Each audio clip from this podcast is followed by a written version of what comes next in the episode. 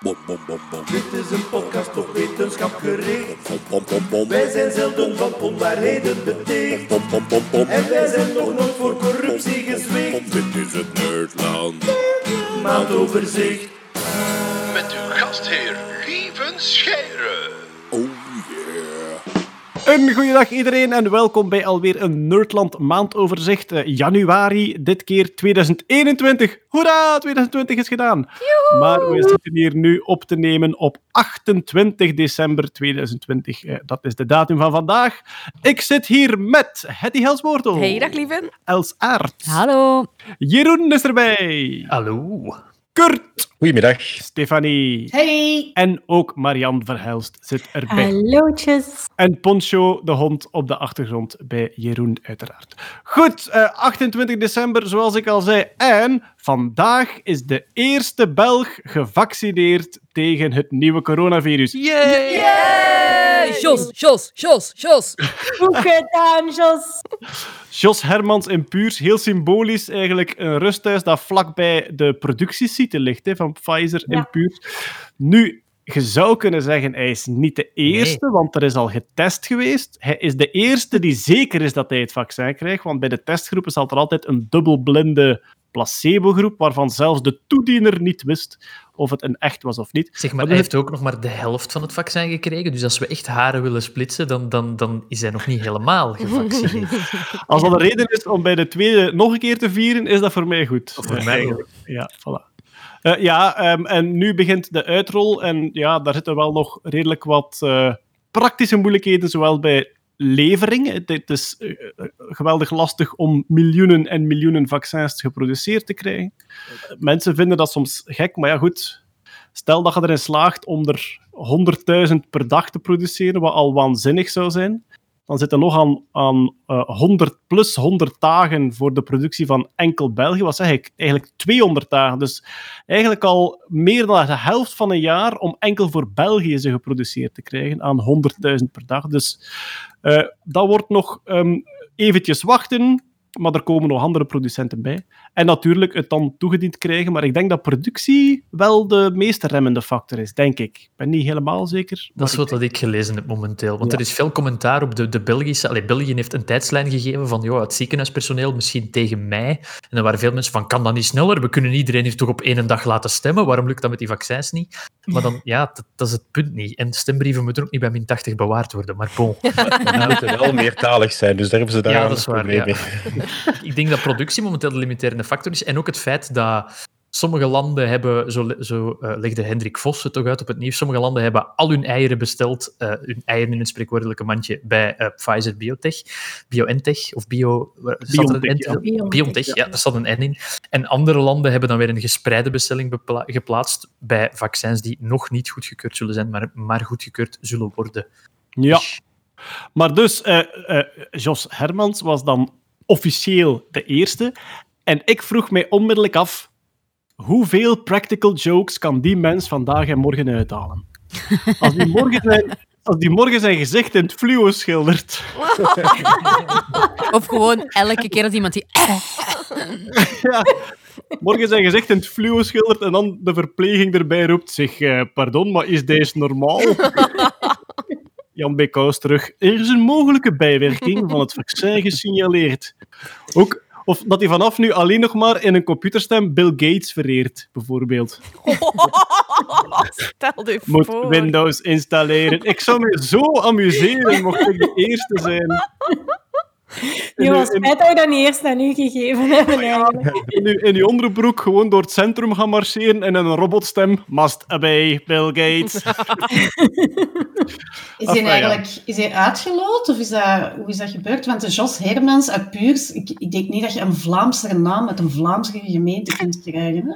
De reden was, Puurs is gekozen omdat het productiestuk van Pfizer daar ligt. En eh, Jos Hermans is gekozen omdat hij zowel de oudste bewoner is van dat rusthuis, als dat hij heel de pandemie geweldig bezig was met het opvolgen van de regels en de evolutie van de cijfers. Dus hij was echt Oh. bezig Het is een pandemie. beloningsvaccin. Ja, eigenlijk wel, ja. Ja. Tof. En hij wil heel graag 100 jaar worden, zegt hij al heel lang. Dus dan dachten ze, goed, dan gaan wij u daar eh, een handje bij helpen. Ja, ik En moet wel zo zeggen- kwamen ze uit bij Jos Hermans. Als je de Jos zag op nieuws, sharp as a whistle nog, hè? Amai. Ja, dat, Ja, is waar. ja, ja, ja, dat klopt. Hij heeft zelfs een normale conversatie met Wouter Beke gevoerd. Wat dus, Wat dat de meeste mensen niet lukt, ja. ja, voilà, hij kwam eruit als de helderste van de twee. Was dat voor of na de vaccin? Over, over bijwerking gesproken. Ik had ook gelezen in een van die verslagen van de, de Pfizer-Biotech ehm, trials die er geweest zijn. Ja, je volgt een groep mensen op nadat ze dat vaccin gehad hebben. En er zijn mensen die dingen voor hebben die niet te maken hebben met dat vaccin. En er Kan is niet één anders, hè? ke- Ah, ja. ene kerel blijkbaar in een van die trials is geraakt door de bliksem. En is, eh Oh, wat- wat nee. dingen aan overgehouden. En Ja, maar dat is hè, zend, zendmasten die, die Ja. zijn. Ja. Conspiracy. de tekst boven de tweet was: Scientists tegen elkaar. Should we mention the guy that got... We should mention the guy that got hit by lightning. Yes, we definitely should mention that. Ah, dat is wel een prachtige. Maar goed, kijk, 28 december kreeg eh, Jos Hermans zijn vaccin. Jullie weten allemaal wat ik over exact vijf jaar ga doen. 28 december 2025. Kijken of Jos en Pieter nog aanhangt. Zeer belangrijk. Als dat zo is, dan zijn we veilig voor de bijwerking dat niet na Als vijf jaar Pieter ondertussen al even begraven is, Ja. dan kan dat wel. Ja, maar hij gaat 100 jaar worden, zegt hij. Hij gaat 100 jaar worden. Oké, eh, er was een prachtig artikel dat rondging over het Pfizer-vaccin dan. Ehm, ja, het, het vaccin van Pfizer gebruikt geen virus dat al klaar is, maar gebruikt eigenlijk de RNA-code van het virus. Dus een beetje de, de code waarmee onze cellen stukken van het virus bouwen. En dat is, Jeroen, dat is gereverse-engineerd door Bert Hubert, of Hubert weet ik niet, is een Nederlandse informaticus met een al jarenlange interesse in DNA, die zowel in lezingen als op zijn blog heel graag life science dingen, eh, genetica, eh, hij noemt het zelf uitleggen aan programmeurs, maar het gaat eigenlijk veel breder dan dat. Hij legt op een zeer heldere taal legt uit hoe dat vaccin werkt. Ik heb het eh, verslonden, het volledige artikel. En het is fantastisch hoe gedetailleerd en vooral hoe- hoeveel aha-erlebenissen en wauw-momentjes dat erin zitten gewoon. Ik heb, het, ik heb het ook gelezen. Ik ga het proberen uit te leggen. En ik stel voor dat Hetty mij brutaal onderbreekt als ik een fout maak. Dat- dat dus, dus er echt tussenkomen en zeggen: het, fout. Oké. ik zet een jingle klaar. Zijn je klaar? Zijn je klaar? Zijn je klaar? Dus het BioNTech-vaccin, ook wel genaamd Tozinameran of Comirnaty of BNT 162b2. Nog geen buzzers, alright. Ehm, Community. de, de, de 4284 karakters van het, eh, het, het eh, mRNA, of is het van het RNA? Verdorie het, ik ben nu al fout. Is het, het vaccin bevat Het is... messenger-RNA? eh, ja. Oké, Ja. dan zit ik toch nog goed. Eh, dat, dat zijn de lettertjes A, C, G en T, maar T mag goed ook Mm, U schrijven. Ja. Ah, voilà. En Een het, T en DNA, een T en DNA en een U en RNA. Klopt. het, doel van, het doel van het vaccin is de spike-proteïne van SARS-CoV-2 aanmaken. Dus die kleine haakjes waarmee het zich op uw, op uw, op uw gevoelige delen zet. Wa- Waar, waar haken die spikes in, Hetty? In het ACE2-eiwit op onze longcellen. Ah, voilà. Dus, dus je maakt de stekeltjes na, zodat je het, het, het lichaam zich kunt leren verweren tegen de stekeltjes. Ben ik nog altijd goed, Hetty? Ah, in een immuunrespons. Ja, ja, inderdaad. Ja, je maakt antistoffen aan tegen... Ja, zodat dat hij niet meer kan binden. Hè. Het is een sleutel, Ah, voilà. sleutel-slot-principe en je blokkeert eigenlijk eh, die, eh, die connectie tussen de twee. hè. Dat is ongeveer wat ik gezegd heb. hè. Ik denk Voilà. dat ik nog altijd mijn punten hou. Ehm, dus die man heeft dat beschreven. Die hele code is blijkbaar beschikbaar. Wat ik raar vond, want ik dacht van oei, dat is toch gepatenteerd, zo'n vaccin en zo. Is dat, is dat normaal, Hetty, dat dat volledig beschikbaar komt? En Wel, dat, dat weet ik eigenlijk niet. Ehm, Eens dat gepatenteerd is, is het beschermd. Hè? Zelfs Ah ja, als het natuurlijk. Je patent is ook openbaar. Hè? Ah ja, dat is juist. Ja. Ik, ik heb het gelezen en het eerste stuk is van, van het, het RNA is blijkbaar de plek waar de fabriek voor de proteïne moet landen. Ja. Een proteïnefabriek, dat is genaamd een ribosoom. En dat is eigenlijk een groot fabriekje die een lijst met instructies afleest en die maakt aminozuren. Ben ik nog altijd juist? ja, En die fabriek die moet zich ergens zetten. En dus dat eerste stuk van het RNA is waar dat die fabriek zich kan neerzetten. En in de code daar, daar stond ook een psi in. En die psi dacht ik al van, hé, wacht eens even. Dat moet hier A, C, T en G zijn, of, of U. u. Maar een ja. psi, daar had ik nog nooit van gehoord. En blijkbaar die psi is... Dat is een speciaal soort stofje. Ah, verdorie. En als je de u's vervangt door psi's, dan zegt het lichaam, allee dan, kom maar binnen. Waar dat het lichaam eigenlijk standaard wil zeggen, wacht eens even, U heb ik hier nog nooit gezien. Je bent een vies extern element. Je bent extern RNA dat ik niet ken. Ik ga u afstoten. En eigenlijk door die U's te vervangen door psi's, geraakt je toch binnen.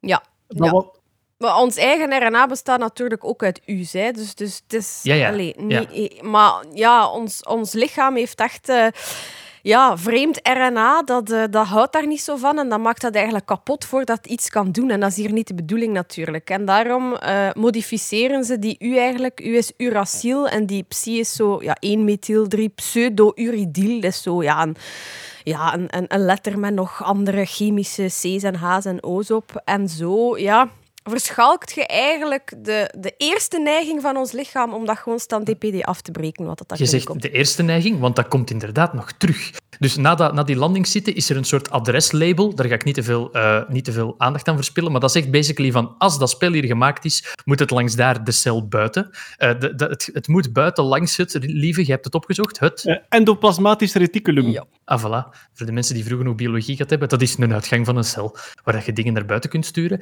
Dan het hoofddeel van het bestand is eigenlijk de, de, het, het aanmaken van de aminozuren, de instructies om de aminozuren aan te maken. En in die instructies is er ook een truc gebeurd, want als je meer G's en C's gebruikt in je RNA, dan kan het lichaam efficiënter die stoffen aanmaken en heb je minder kans op afstoting. Daar was ook iets anti-afstotend in het vervangen van die, van die eh, G's en C's. Eh, Hetty, of niet? Ik ben volledig fout. Ik, ben er, we zien, ik zie Hetty op de webcam en ze is met haar ogen aan het rollen. dat Nee, nee, nee, nee, nee, dat is niet waar. Maar Ik, ik, ben hier, uw- ik ben hier uw domein aan het verkloten. Ik Nee, ben letterlijk een ik grote ben- ben aan het geboeid aan het luisteren. Ah, ja, maar ja. wat, dat, wat dat belangrijk is om daarbij te zeggen, is dat uw, uw instructie, uw RNA-instructie bepaalt, bestaat eigenlijk altijd uit stukjes van drie letters. Ja. En elke drie letters, ja, elke, elke drie lettertjes, dus, dus UUU bijvoorbeeld of UCT, dat is de code voor een aminozuur. Maar daar zijn ook dubbeltjes in. Dus dat zowel UUU als UUC bijvoorbeeld de code is voor hetzelfde aminozuur. En sommige daarvan hebben ze veranderd. Je krijgt dan eigenlijk dezelfde uitvoering van de code, maar door die letters te veranderen wordt het sneller uitgevoerd door uw ribosoom, zal dat dan zijn? Ja, het wordt ribosoom. sneller omgezet in eiwitten als er meer G's en C's aanwezig zijn. In totaal, ja. En ze maken enkel de spikes na van het virus, dus zonder het viruslichaam eraan. En ze, je wilt niet dat die spike, eh, een spike zonder viruslichaam aan, heeft de neiging om in te storten, of heeft de, neiging om om zichzelf in te folden. Ja, en dat om- willen we daar gaan we straks waarschijnlijk ook op terugkomen. Ah. Hè. Als je eiwitten maakt, die, die vormen zich oh, in een bepaalde 3D-structuur. En als je een losse spike hebt, ja, die vormt zich anders dan als die ergens aan vasthangt. En daar Ja. hebben ze twee En- correcties voor gedaan, om dat inderdaad En je wilt als- dat je lichaam zich wapent tegen de, de spike zoals hij aan het virus hangt, en niet de spike zoals hij in, ineengevallen Ja, aankomt want die in gaat er nooit tegenkomen. Ja. Ja. En dan is er nog een stopcodon, dat is om te zeggen, en hier stopt het. En dan het einde van het mRNA vond ik ook wel lastig, vond ik ook wel grappig. Dat eindigt met heel veel A's. Ja. Dat is A 26 Ja. keer of 27 keer. Ah. Omdat blijkbaar telkens als dat mRNA gebruikt wordt, valt daar een stukje van af. En je, je kunt daar zo wat nutteloze A's achteraan hangen, dat als die eraf vallen, dan is dat zo erg nog niet. Ja, de Dat is wat ik poly-A-tail. ervan snap. Ja, nee, dat Maar- is heel goed. Alright. De, voor mij, de, de twee momenten dat ik echt baffled was bij het lezen van dat artikel, is ten eerste dat veranderen van die ene letter door die psi. Hè, dus eigenlijk een, een, ander, een ander chemisch codeke dat ons lichaam niet gebruikt. Gewoon om het gemakkelijker door de eerste immuunrespons te krijgen. Dat is zo, ja, je wilt dat ons lichaam gewapend wordt tegen het spike-eiwit, dus de, het wapen van het virus. Maar je brengt de plannen van het wapen binnen. En als uw immuunsysteem al zo goed is van eerst de plannen kapot te maken, dan leert het nooit zich te wapenen tegen het wapen zelf. Hè. Nou ja, nu ben ik te veel wapen in één zin aan het gebruiken. Dat vond ik al geniaal. Ehm, ik heb het, eh, het stond ook in het artikel. Het is een eh, Hongaarse onderzoekster, denk ik, die het in de jaren 90 ontwikkeld heeft en die toen geen funding kon krijgen voor haar onderzoek. Dus die toen eigenlijk jarenlang gevochten heeft. Het is typisch een verhaal van ja, iemand die zowel op iets wetenschappelijk geweldig boeiend stuit, maar je leest in dat verhaal dat heel veel mensen hadden het gewoon opgegeven na de zoveelste funding die ze niet kreeg. Zij is blijven doorgaan. ehm, en enfin, zij wordt genoemd als een mogelijke Nobelprijswinnaar chemie of geneeskunde. Ja. En nog een tak die genoemd wordt als mogelijke Nobelprijswinnaar chemie of geneeskunde, is wat je daarnet zei ook, Jeroen, die, die twee aminozuren vervangen in dat spike-eiwit om het wel stabiel te krijgen. Ja, en het vervangen zonder dat het de uiteindelijke uitkomst van de fabriek verandert. Hè? Want je wilt niet dat door iets te vervangen, ja, dat kan dan wel beter geaccepteerd worden door het lichaam, maar je wilt de uitkomst niet veranderen, want dan zet je lichaam aan het immuunrespons trainen tegen niet het virus. Ik denk zelfs dat er een podcast opgenomen is van This American Life met die onderzoeker Ah, die daar mee ontwikkeld heeft. En eh, ja, hij staat nog op mijn lijstje. Ik heb hem nog niet kunnen beluisteren. Maar ja, Hetty, je hebt daar, je hebt daar misschien beter zicht op. Hoe begin je aan zoiets? Hoe, hoe, hoe begin je aan... Enfin, is dat gewoon... Denk, denkt je dat dat voornamelijk trial and error geweest is? Of zijn dat mensen die echt een zodanig inzicht hebben in eiwitstructuren, dat die weten, als ik hier een andere aminozuur steek, dan staat het steviger? Eiwitstructuur is het aller, aller, allermoeilijkste probleem in moleculaire biologie en biologie bij uitbreiding. Ik denk, met hetgeen we straks gaan bespreken, dat dat probleem voor een heel groot stuk opgelost is, dankzij artificial intelligence. Dat is waanzin, maar dat gaan we zo meteen eh, bespreken. Dus dat is voor een heel stuk trial and error. En misschien, ik weet het niet, is hier ook al voor een stuk AI in betrokken geweest, maar dat weet ik eigenlijk niet, eh, hoe ver dat ze al concreet staan om het echt eh, toe te passen. Maar heel lang, decennia lang, is dat gewoon geweest. eh, iets veranderen, kijken wat dat doet en opnieuw beginnen. Dat is gewoon... En, ja. en ook hier, hoe weet je als je iets verandert, dat het ook nog dezelfde functie Ja. inderdaad. Alleen niet alleen de vorm, maar ook dat het dan nog, zoals Jeroen zegt, u, u, u, u, doet nog altijd hetzelfde als u, u, g of whatever. Eh, ja, maar dat weten wij. Die, die code is al lang gekraakt. Maar t- vooral eh, structuur is functie in, eh, in, in Ja, eiwitbiologie. dus dat is voor een stuk wel voorspelbaar. Maar het is, ik heb het gelezen, zelfs ik, ik heb met open mond zitten lezen. Het is een artikel zo... Allee, het, is, het is bestemd voor mensen met computervoorkennis, denk Mhm. ik. Of dat is zo'n beetje zijn insteek.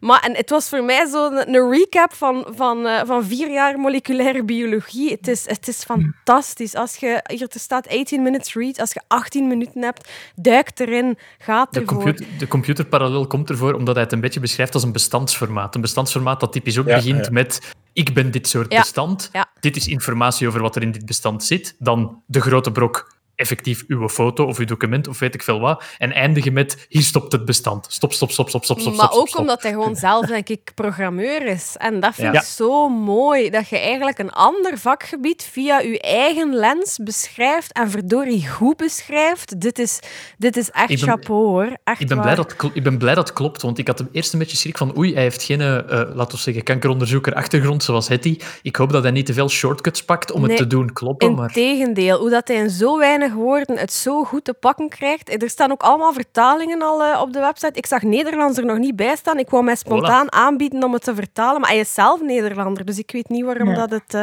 dat nog niet vertaald is. Maar het is goed, het is echt goed.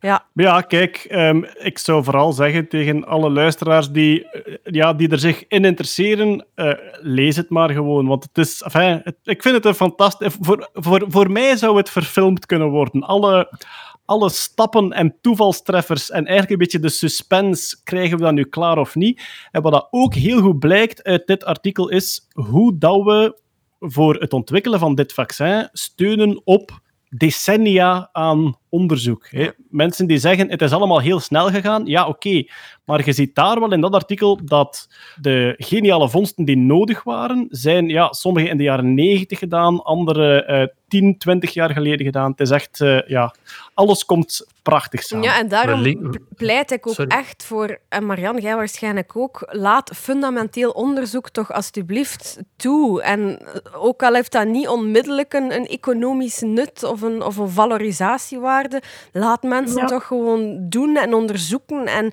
zelfs al is dat 40, 50 of 3000 jaar later, misschien komt daar ooit wel iets van. Ik, ja, dus, eh, ja. Ja, en, en, en ook wat dat, nog een analogie met de software is, hij, begint, hij spreekt over reverse engineering, maar zo eigenlijk het feit dat je inderdaad heel veel onderzoek doet en dat dat een beetje open source wordt eigenlijk op die manier. Eigenlijk de broncode, letterlijk dan, is Ja. ehm, open source en iedereen kan het... Wat eigenlijk het is, stel dat je dit nu hebt, dat je dit leest en je beschikt over een lab, je beschikt over de middelen, zouden dan zelf een vaccin kunnen produceren? Of heb je nog een aantal fundamenteel andere dingen nodig die dat bijvoorbeeld Pfizer wel heeft en dat iemand anders niet heeft? Zit er nog extra kennis dat je niet, dat je niet hebt hierbij? Wel, heel veel machinerie nog, maar, maar als dat er is, ik, ik, heb, ik heb de neiging om te zeggen, dan lukt het wel. Maar misschien ben ik fout. Maar, eh, Oké, maar als, ja. als dat is, dan, is het, dan kunnen we toch veel meer vaccins per dag gaan produceren. Maar ja, maar het is wel gepatenteerd het is gepatenteerd. natuurlijk. En, maar in, in, lic- in licentie dan of zo, hè? Er zijn Ja, maar achter, hoor.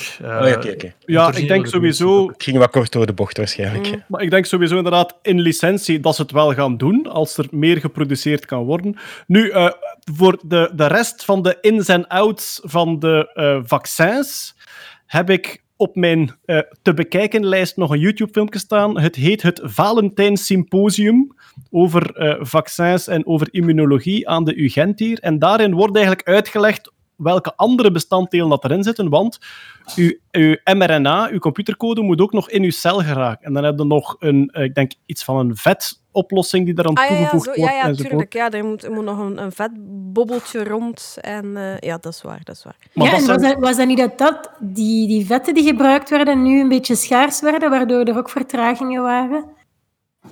Dat was, ik denk, een van die bestanddelen van Ja. het vliesje er rond. Daar waren bepaalde grondstoffen voor nodig die nu opeens veel meer vraag naar was dan het aantal de fabrikanten aankonden. Oké. We, Ehm. we, li- we linken naar het prachtige artikel op onze show notes pagina en die URL luidt, lieve, Maandoverzicht.nerdland.be van de eerste keer juist. Iemand Maar je kan ook gewoon naar podcast.nerdland.be gaan, want die linkt naar hetzelfde door. Dat is waar. Zullen we anders, zullen we anders een nieuwe alias aanmaken? Kies Ja. maar. Elke Ah, ja, voilà. Kies eens een woord, lieve. Shownotes.nerdland.be Oh, damn. Ja. Kurt is al aan het tippen. Kurt, dat werkt niet. Eh, we gaan nog even... eh, ja, dat is een gaan- DNS-probleem, Jeroen. Dat is een DNS-probleem. Kom Dat niet is naar altijd een DNS-probleem. Sorry. We zullen vragen aan eh, Bert Hubert om het te reverse engineeren. Ja, we zeggen nu Bert Hubert, maar het zou wel Bert Hubert zijn, zeker, in Nederland. Ja. Zwat. We vragen het aan de goede man zelf. eh, ooit.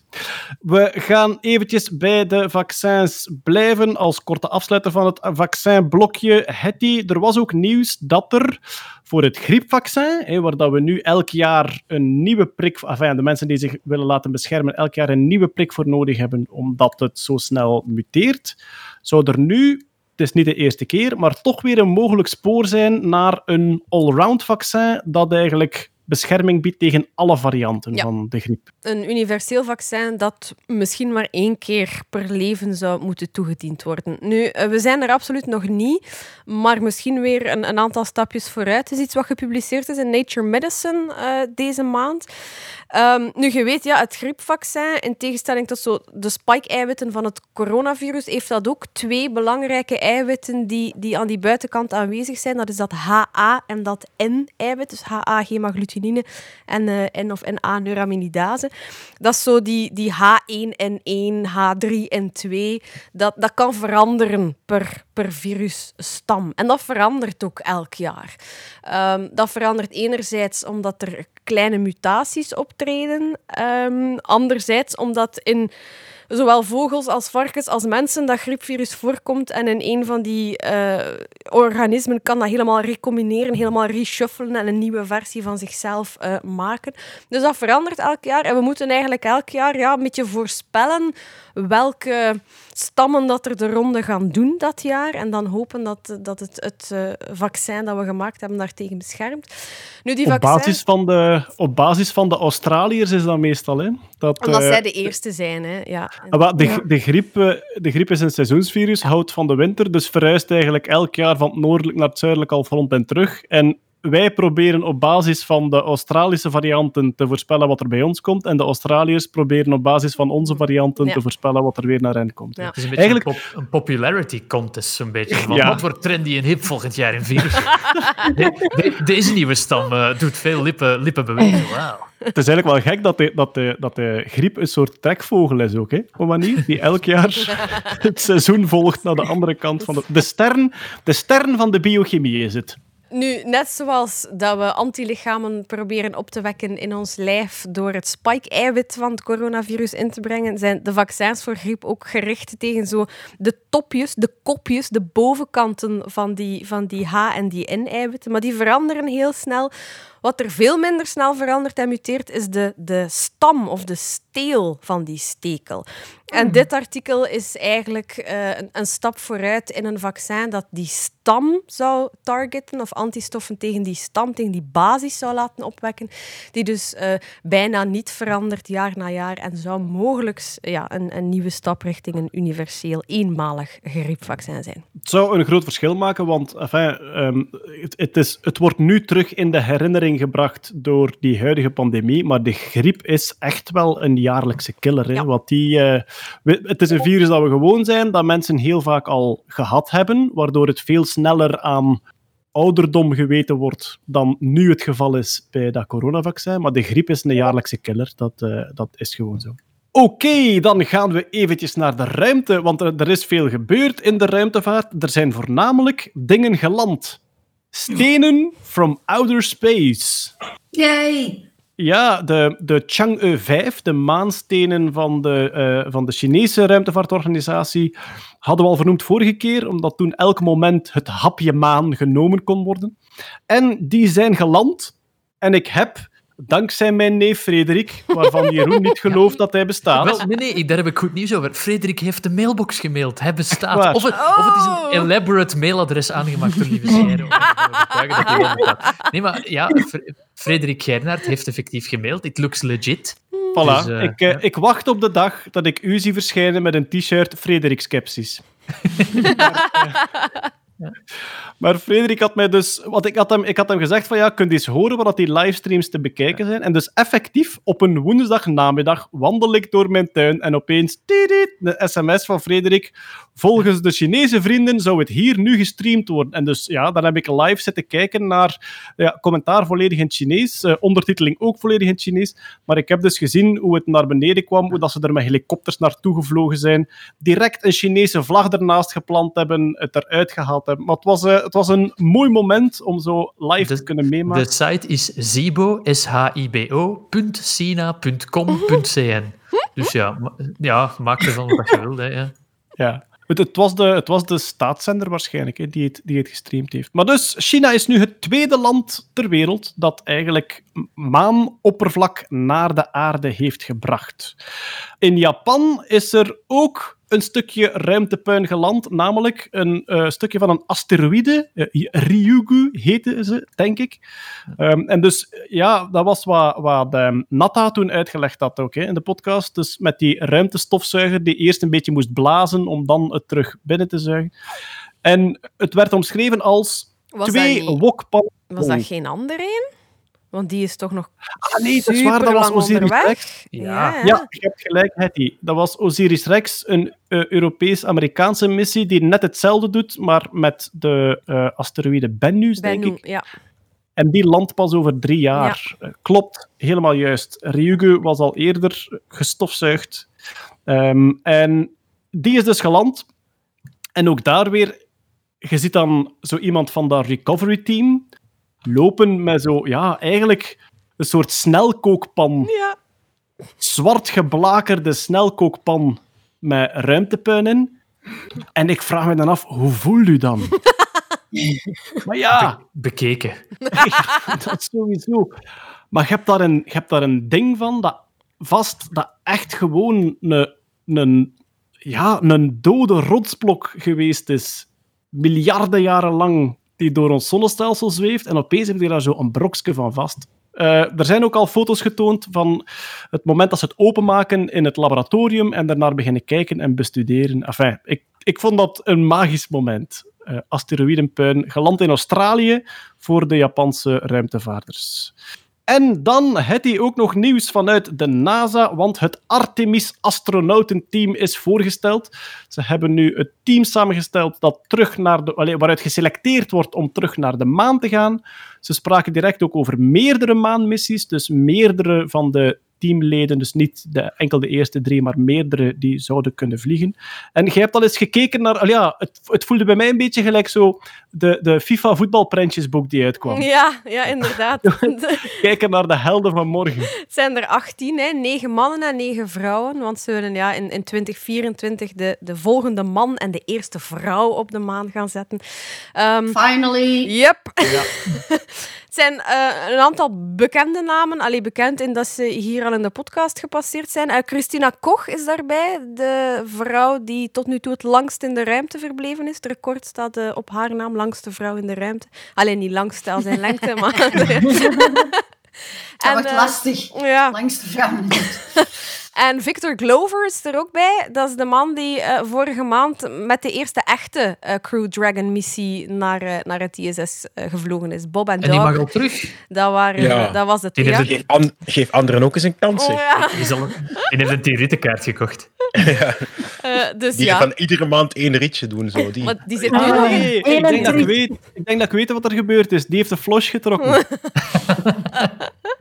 Ja, 18 mensen. Sommigen hebben al gevlogen, anderen zijn nog nooit in de ruimte geweest. Ehm, Artemis, tweelingzus van Apollo in de Griekse mythologie. Dus Apollo, het, eh, het succesvolle programma in de jaren 60 en 70. En nu de tweelingzus daarvan. Eh, met echt als bedoeling ja, minstens vijf keer een bemande landing op de maan.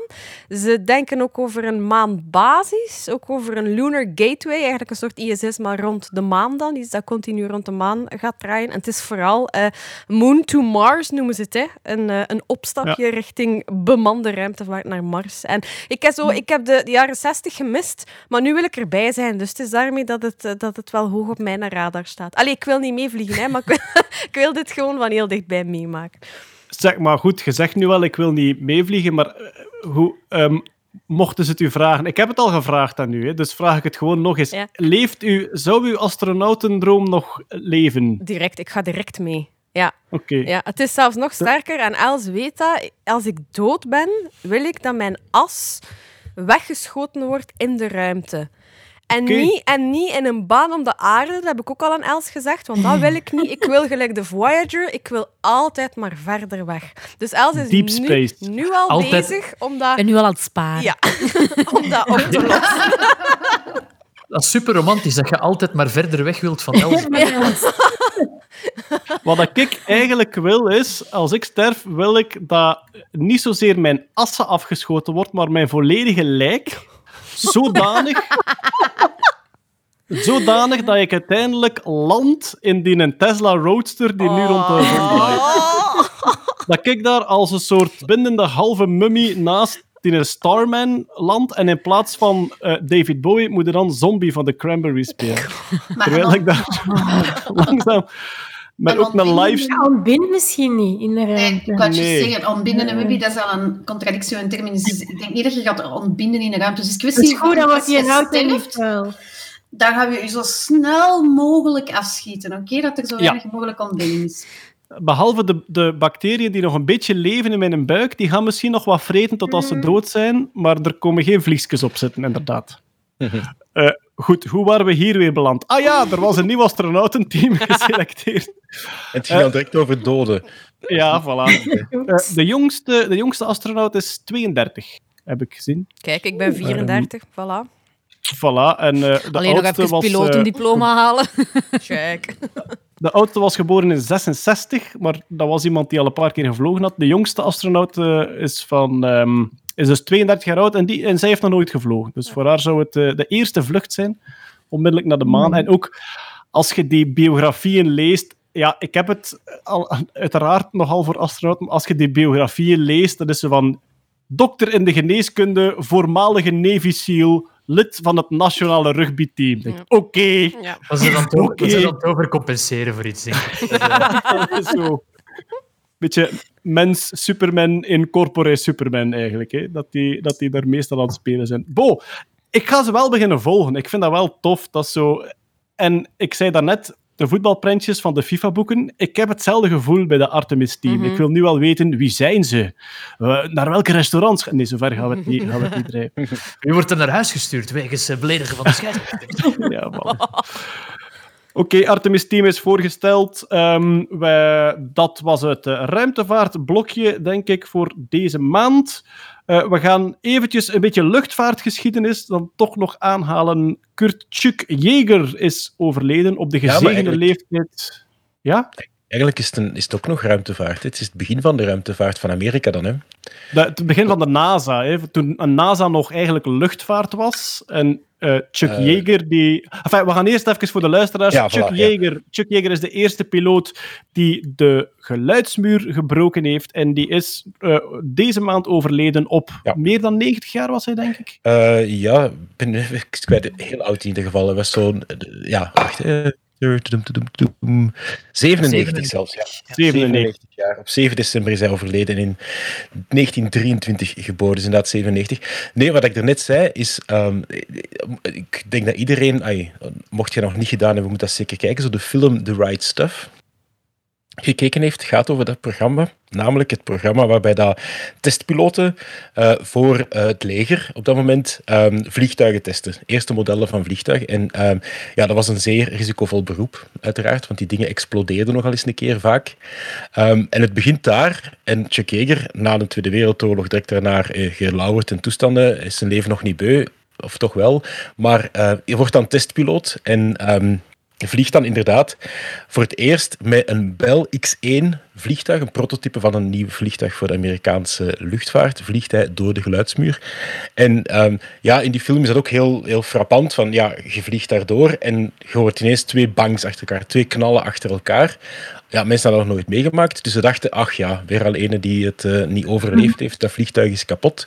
Er waren er daarvoor al een paar eh, ontploft. eh. Allee, Ja, er waren- gedesintegreerd in de vlucht, ja. Ja, dat gebeurde wel vaker omdat het testpiloten waren en testvliegtuigen waren. En ook dat vliegtuig, ehm, ze dachten wel dat ze, ze gingen heel snel gaan. Ze, ze gingen echt proberen om Mach 1 te vliegen. Ehm, maar ze wisten niet wat er ging gebeuren. Dus het feit dat er dan zo'n gigantische geluidsexplosie gebeurt, omdat je sneller dan het geluid gaat, dat hadden ze niet verwacht. En het is heel tof om in de film ook te zien dat, je dan, dat mensen dan toch kei opgelucht zijn van, huh, hij keert toch terug. En dan, ja, wauw, ja, allemaal al die dingen. En het zijn die testpiloten waaruit ook effectief geselecteerd is geweest, en dat is dan de link met de ruimtevaart. Het zijn die eh, testpiloten, waar dat er zeven uit geselecteerd zijn geweest om dan aan Project Mercury, namelijk het project van de NASA, om een bemande vlucht in de ruimte te krijgen. Om bemande, je zat dan in die race met Rusland op dat moment, die dat dan met Sputnik al hadden gelanceerd. En Yuri Gagarin was dan uiteindelijk de eerste man in de ruimte eh, en zo verder. En de Amerikanen die waren een race aan toen ook. En eh, op Disney Plus is er nu trouwens ook een reeks die daar rondgaat, die ook The Right Stuff heet, toevallig. Omdat, Geen ja, sponsor. is- Geen sponsor, maar ze Geen sponsor, mailen. geen sponsor. Is dat je Maar nieuwe functie? Jeroen? Elke merk dat Telkens als ze een werknaam had, geen sponsor, maar jeroen.nerdland.be als ze willen klappen. De Ja, NASA, voilà. geen sponsor voor Geen sponsor, maar Maar, maar als we een raketje willen tes- moeten testen of zo, dan mogen ze bellen. Hè? Ik kijk, eh, ik kijk uit naar hoeveel keer dat je dat gaat zeggen tijdens het Musk-nieuws ook. Ah, wel, om allemaal te zeggen van een hele coole kerel, Chuck Yeager, die daar eigenlijk heel bescheiden was en heel veel dingen gepioneerd heeft op de juiste momenten op de juiste stoel zat. Als je het wilt kijken, bekijk die film The Right Stuff, bekijk de serie The Right Stuff. Het is, eh, het is echt zo'n een, een, een pionierstijd hè, van man, mannen die dat echt hun leven riskeren, letterlijk. Eh, ja, om dat dingen dat- te doen en eigenlijk heel grote stappen te zetten die, dat, die dat ons brengen waar we nu zijn. Hè. zijn handtekening staat op zijn Wikipedia-pagina. Dat is hoe dat je identiteitsdiefstal krijgt, hè, jongens. Dat is eh, bij veel, bij veel mensen, bij, van Bij alle presidenten ook, staan de handtekeningen op Wikipedia. Maar ehm, ja, bij Chuck Yeager, ik heb zo wat hetzelfde gevoel, nog meer bij Buzz Aldrin. Die heeft Mhm. een gigantisch risico genomen, hè, eh, 60 jaar geleden. Ja. En die heeft eh, eh, 50 jaar geleden, en die heeft dat overleefd. En dus die voorbije 50 jaar dat die mens actief geweest is, outreach gedaan heeft enzovoort, ja, die hebben zo even een dubbeltje op zijn kant geweest. Hè. Ik, vind dat, ik vind dat gek hoe dat mensen zo dat enorm risico pakken. Want de, maan, de eerste maanlanding was wel een pak groter qua, qua eh, risico dan huidige Ja. ruimtevaart. En die geluidsmuur ook. Er waren er al een paar, eh, ook van andere vliegtuigfabrikanten, er waren er al een paar in de vlucht eh, ja, het vliegtuig kapot gebroken. Wat er Mhm. eigenlijk gebeurd is, de snelheid van het geluid is... Ja, geluid is een drukgolf in, in, eh, ja, een drukgolf in de lucht. Dus de snelheid van het geluid is de snelheid van drukgolven in de lucht.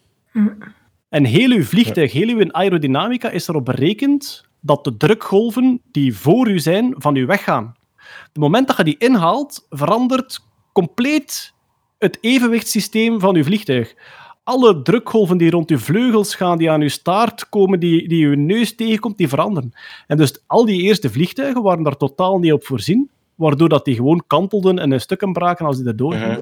En dan eindelijk bij Chuck Yeager hebben ze het... eh, allee, bij, bij die... ehm, de, hij, had, hij had het genoemd naar zijn vrouw, zeker, het vliegtuig. Hij had zelf een naam gegeven. Nou, ik ben het nu vergeten. Eh, Ja. Het, En het groot, was- het groot lawaad. Bij van ons. ja, Die van ons tweeën. die van ons twee, ja, twee, ja. Ehm, het was trouwens geen straalmotor, maar echt een raketmotor. En dat is Ja, ook ja. weer, dan zie je ook weer hoe, dat, hoe dat ze compleet voortbouwen op de eerste straaljager die ze daar gevonden hebben op een nazi-vliegveld na de Tweede Wereldoorlog. Ja. Compleet nieuwe technologie en daarop hebben ze verder gebouwd. Ja, de, de naam van het vliegtuig is Glamorous Gladys. En het is Voilà. inderdaad van. Wauw. Dat is nog Dat is beter dan het groot lawaai, hè, Jeroen? Ja. Maar ja, ze wisten, dat, ze wisten op dat moment niet dat hij veel lawaai ging maken. Hè? Ja, ja, voilà. ja, dat is meestal zo voordat je ermee trouwt. Maar we gaan Die is wel een snelle, ze, die van ons. Dat is een snelle, maar ze ook veel aan weet. Ja. Goed, we hebben het daarnet al een paar keer aangekondigd. We hebben buiten corona het grootste wetenschapsnieuws van de voorbije maand eventjes opgespaard tot nu. Voor de mensen die niet helemaal thuis zijn in de life sciences, zal dit niet zo spectaculair klinken. De, de titel gaat als volgt: Artificiële intelligentie slaagt erin om aan ongeziene snelheden het eiwitvouwprobleem uit de biologie op te lossen. Dus eiwitjes zijn een hele lange streng aminozuren aan elkaar. Als je die gewoon als lange ketting zou houden, zouden die weinig doen. Maar die vouwen samen op een ingenieuze manier. En dan pas worden die functioneel. Het was immens moeilijk om met menselijk redeneervermogen en ehm, puzzelvermogen dat samen te vouwen. Daar bestonden computerspelletjes voor. Ja. Foldit was er eentje. Er, Foldit er was... bestonden zelfs heel grote projecten voor om heel veel computerkracht er dommig tegen te smeten. Met, met het, het Nerdland Folding at Home team bijvoorbeeld staan we op, momenteel op, op ranking 229 van de wereld. Met onze rekenkracht om proteïnes te vouwen. Maar ja, binnenkort zullen we dus eh, verslagen worden door AI. Ja, het lijkt erop dat dat probleem opgelost is. Goed, ja, Marian, Hetty en Jeroen, dit ligt eigenlijk in drie vakgebieden. Dus moet ik eens even kijken. Misschien moet ik toch beginnen bij Hetty om eens te duiden, ja, ten eerste hoe groot dat probleem was en ten tweede wat er nu allemaal mogelijk wordt. Enfin, in, in welke branches van de life sciences dat dit zo belangrijk is. En, en allemaal. Ik denk, dit is, dit is een, een doorbraak van het aller, aller, allerhoogste niveau. En dit zal heel veel veranderen in life sciences, in biologie, in geneeskunde. Dit is, allee, dit is echt niet te onderschatten wat, wat dat dit nu doet. Eh, Als het dan de claims kan waarmaken, daarvoor kijk ik naar, eh, naar de collega's. Maar ja, het, het probleem is een beetje een eiwit. Hè, zoals dat je al zei, als lange ketting doet dat niks. Een eiwit krijgt pas zijn functie als dat, als dat opgevouwen is in een 3D-structuur. En het is die structuur die de functie bepaalt. Hè. Ik vergelijk dat soms met een, met een groot rotsblok of zo. Je hebt daar putjes en dalletjes. En, en het, is, het is die vorm die, die bepaalt wat zo'n eiwit doet. Maar het was tot voor kort gewoon quasi onmogelijk om die structuur te gaan bepalen. Ze hebben dat in de jaren 50, 60 heel vaak geprobeerd met die X-ray kristallografie, waarmee ook de DNA-structuur opgehelderd is. Dus ja, beschieten met, met stralen en kijken welk diffractiepatroon dat eruit komt, om dan zo terugredenerend die vorm te achterhalen. Nu zat men met elektronenmicroscopie iets keiduur, kei moeilijk, kei ingewikkeld. Allee, dat ging al beter, maar die die vorm, dat, dat is gewoon dat is het grootste probleem in de biologie. En het probleem is ook, je kunt niet voorspellen, uitgaande van een code, wat het dan zal worden. En blijkbaar is DeepMind of Google of, of AlphaFold, of dat is allemaal hetzelfde, ik weet het niet, ja, zijn die daar nu in geslaagd om daar een hele, hele grote stap vooruit te zetten. Ehm, ik heb het in mijn boek ook geschreven, hè, Steve Jobs die zei van, ik denk dat de grootste innovaties in de 21ste eeuw, dat die op wat snijpunt zullen liggen van biologie en technologie. Ik denk dat hij daar absoluut gelijk in heeft en ik denk dat dit er één voorbeeld van is. Want dus als je, als je van een bepaald organisme het DNA uitleest, of het RNA uitleest, zoals bij die virussen nu gebeurt, in dat RNA, we, we hebben dat al ontcijferd, welke stukken code er tot welke eiwitten leiden. Ja. Dus we weten, dit stukje code zet eigenlijk simpelweg allemaal aminozuurtjes aan elkaar. Alleen Het enige dat wij dan weten is, die aminozuren hangen aan elkaar. En als we die loslaten, gebeurt er door allerlei immens complexe atomaire aantrekkingen en moleculaire buigingen, gebeurt daar een vouwproces, waar dat we kop nog staart aan kregen. Dus vroeger, als je DNA uitgelezen had en je vond daar de code voor een eiwit, dan wist je eigenlijk nog niets. Nee. Je moest eerst nog dat eiwit zelf gaan eh, kristallografisch, elektronenmicroscopisch onderzoeken. En dus nu is de hoop, als we een stuk DNA hebben, dat we kunnen zeggen: dit is het eiwit, meer zelfs, ons AI-systeem gaat hier voor u eens berekenen in welke vorm dat Ja, fout. en de impact daarvan, allee, dat is echt niet te onderschatten. Als je denkt aan geneesmiddelenonderzoek bijvoorbeeld, geneesmiddelen die blokkeren heel vaak de werking van een eiwit door ergens in of aan of op of onder een bepaalde regio van zo'n eiwit te gaan zitten, zodat ze hun functie niet meer kunnen uitoefenen. Maar, maar dat bedenken, dat was heel vaak trial and error, letterlijk. Je kapt er van alles op en je ziet wat dat er iets doet. Maar dan, dat we dat nu gaan kunnen ontwikkelen en bedenken, dat is... Het, het, ik, ik kan niet genoeg benadrukken hoe ontzettend veel dat dit zal veranderen. Marian, wat was de, dus het was eh, Google, denk ik, Google DeepMind. En wat zijn hun claims nu over de eiwitfolden? Het komt van DeepMind en eigenlijk ehm, wanneer het aangekondigd is, of, of hoe dat het eigenlijk nu ineens in de, de pers komt, is, is om de twee jaar vindt er een competitie plaats. Ehm, en die, de CASP-competitie heet dat. En die competitie is eigenlijk gewoon, ze geven een aantal, ik denk een stuk of honderd ehm, sequenties van aminozuren en je moet voorspellen hoe dat die eruit zien met een AI-model. En ze kijken eigenlijk wie er het beste doet. Er is, dus, er is dus een wereldbeker eiwitvouwen. Ja, een wereldbeker eiwitvouw. En die werd nu voor de veertiende keer georganiseerd, dus om de twee jaar. En de dertiende keer deed DeepMind voor het eerst mee, dus twee jaar geleden. En dan hadden ze AlphaFold. En dat was al een neuraal netwerk dat een deel van het probleem oploste. En dan de uitgang van het AI-netwerk. Dat AI-netwerkje voorspelde eigenlijk hoe dat verschillende aminoparen, aminozuurparen ten opzichte van elkaar zich gingen gedragen. En daarbovenop werd dan een niet-AI-systeem om dat verder uit te rekenen. En dat werkte al redelijk, maar nog niet perfect. En nu dus, de veertiende keer heeft dat team terug meegedaan met het netwerk AlphaFold 2. Zeer origineel. maar het is wel een totaal andere manier van het probleem aan te pakken en dat blijkt dus te werken. Wat hebben ze eigenlijk gedaan?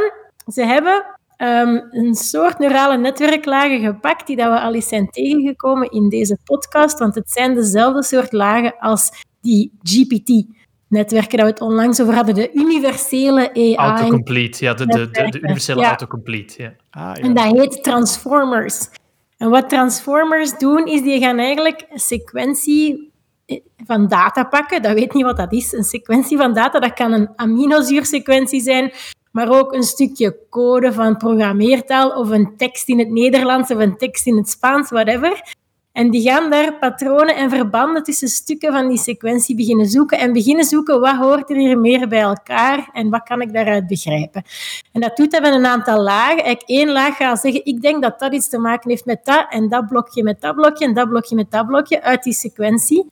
En die informatie geeft het door naar de volgende laag. En de volgende laag zegt, ah, als jij dat al vermoedt, dan denk ik dat dat en dat ook aan elkaar hangt. En, dat, enzovoort. en zo gaat dat eigenlijk door tientallen of honderden lagen die altijd meer verfijnen hoe die zaken met elkaar te maken hebben. Als ik dan zeg, ehm, eh, ik nam gisteren een paraplu mee, want het regende, dan gaat dat netwerk snappen, paraplu en regen hebben met elkaar te maken. Dus eigenlijk zaken die ver uiteen liggen, linken aan elkaar. Maar in dit geval gaan die lagen dus meer en meer beginnen begrijpen hoe die aminozuren elkaar aantrekken of vouwen of in elkaar klikken. Dat is dan weer over naar Hetty.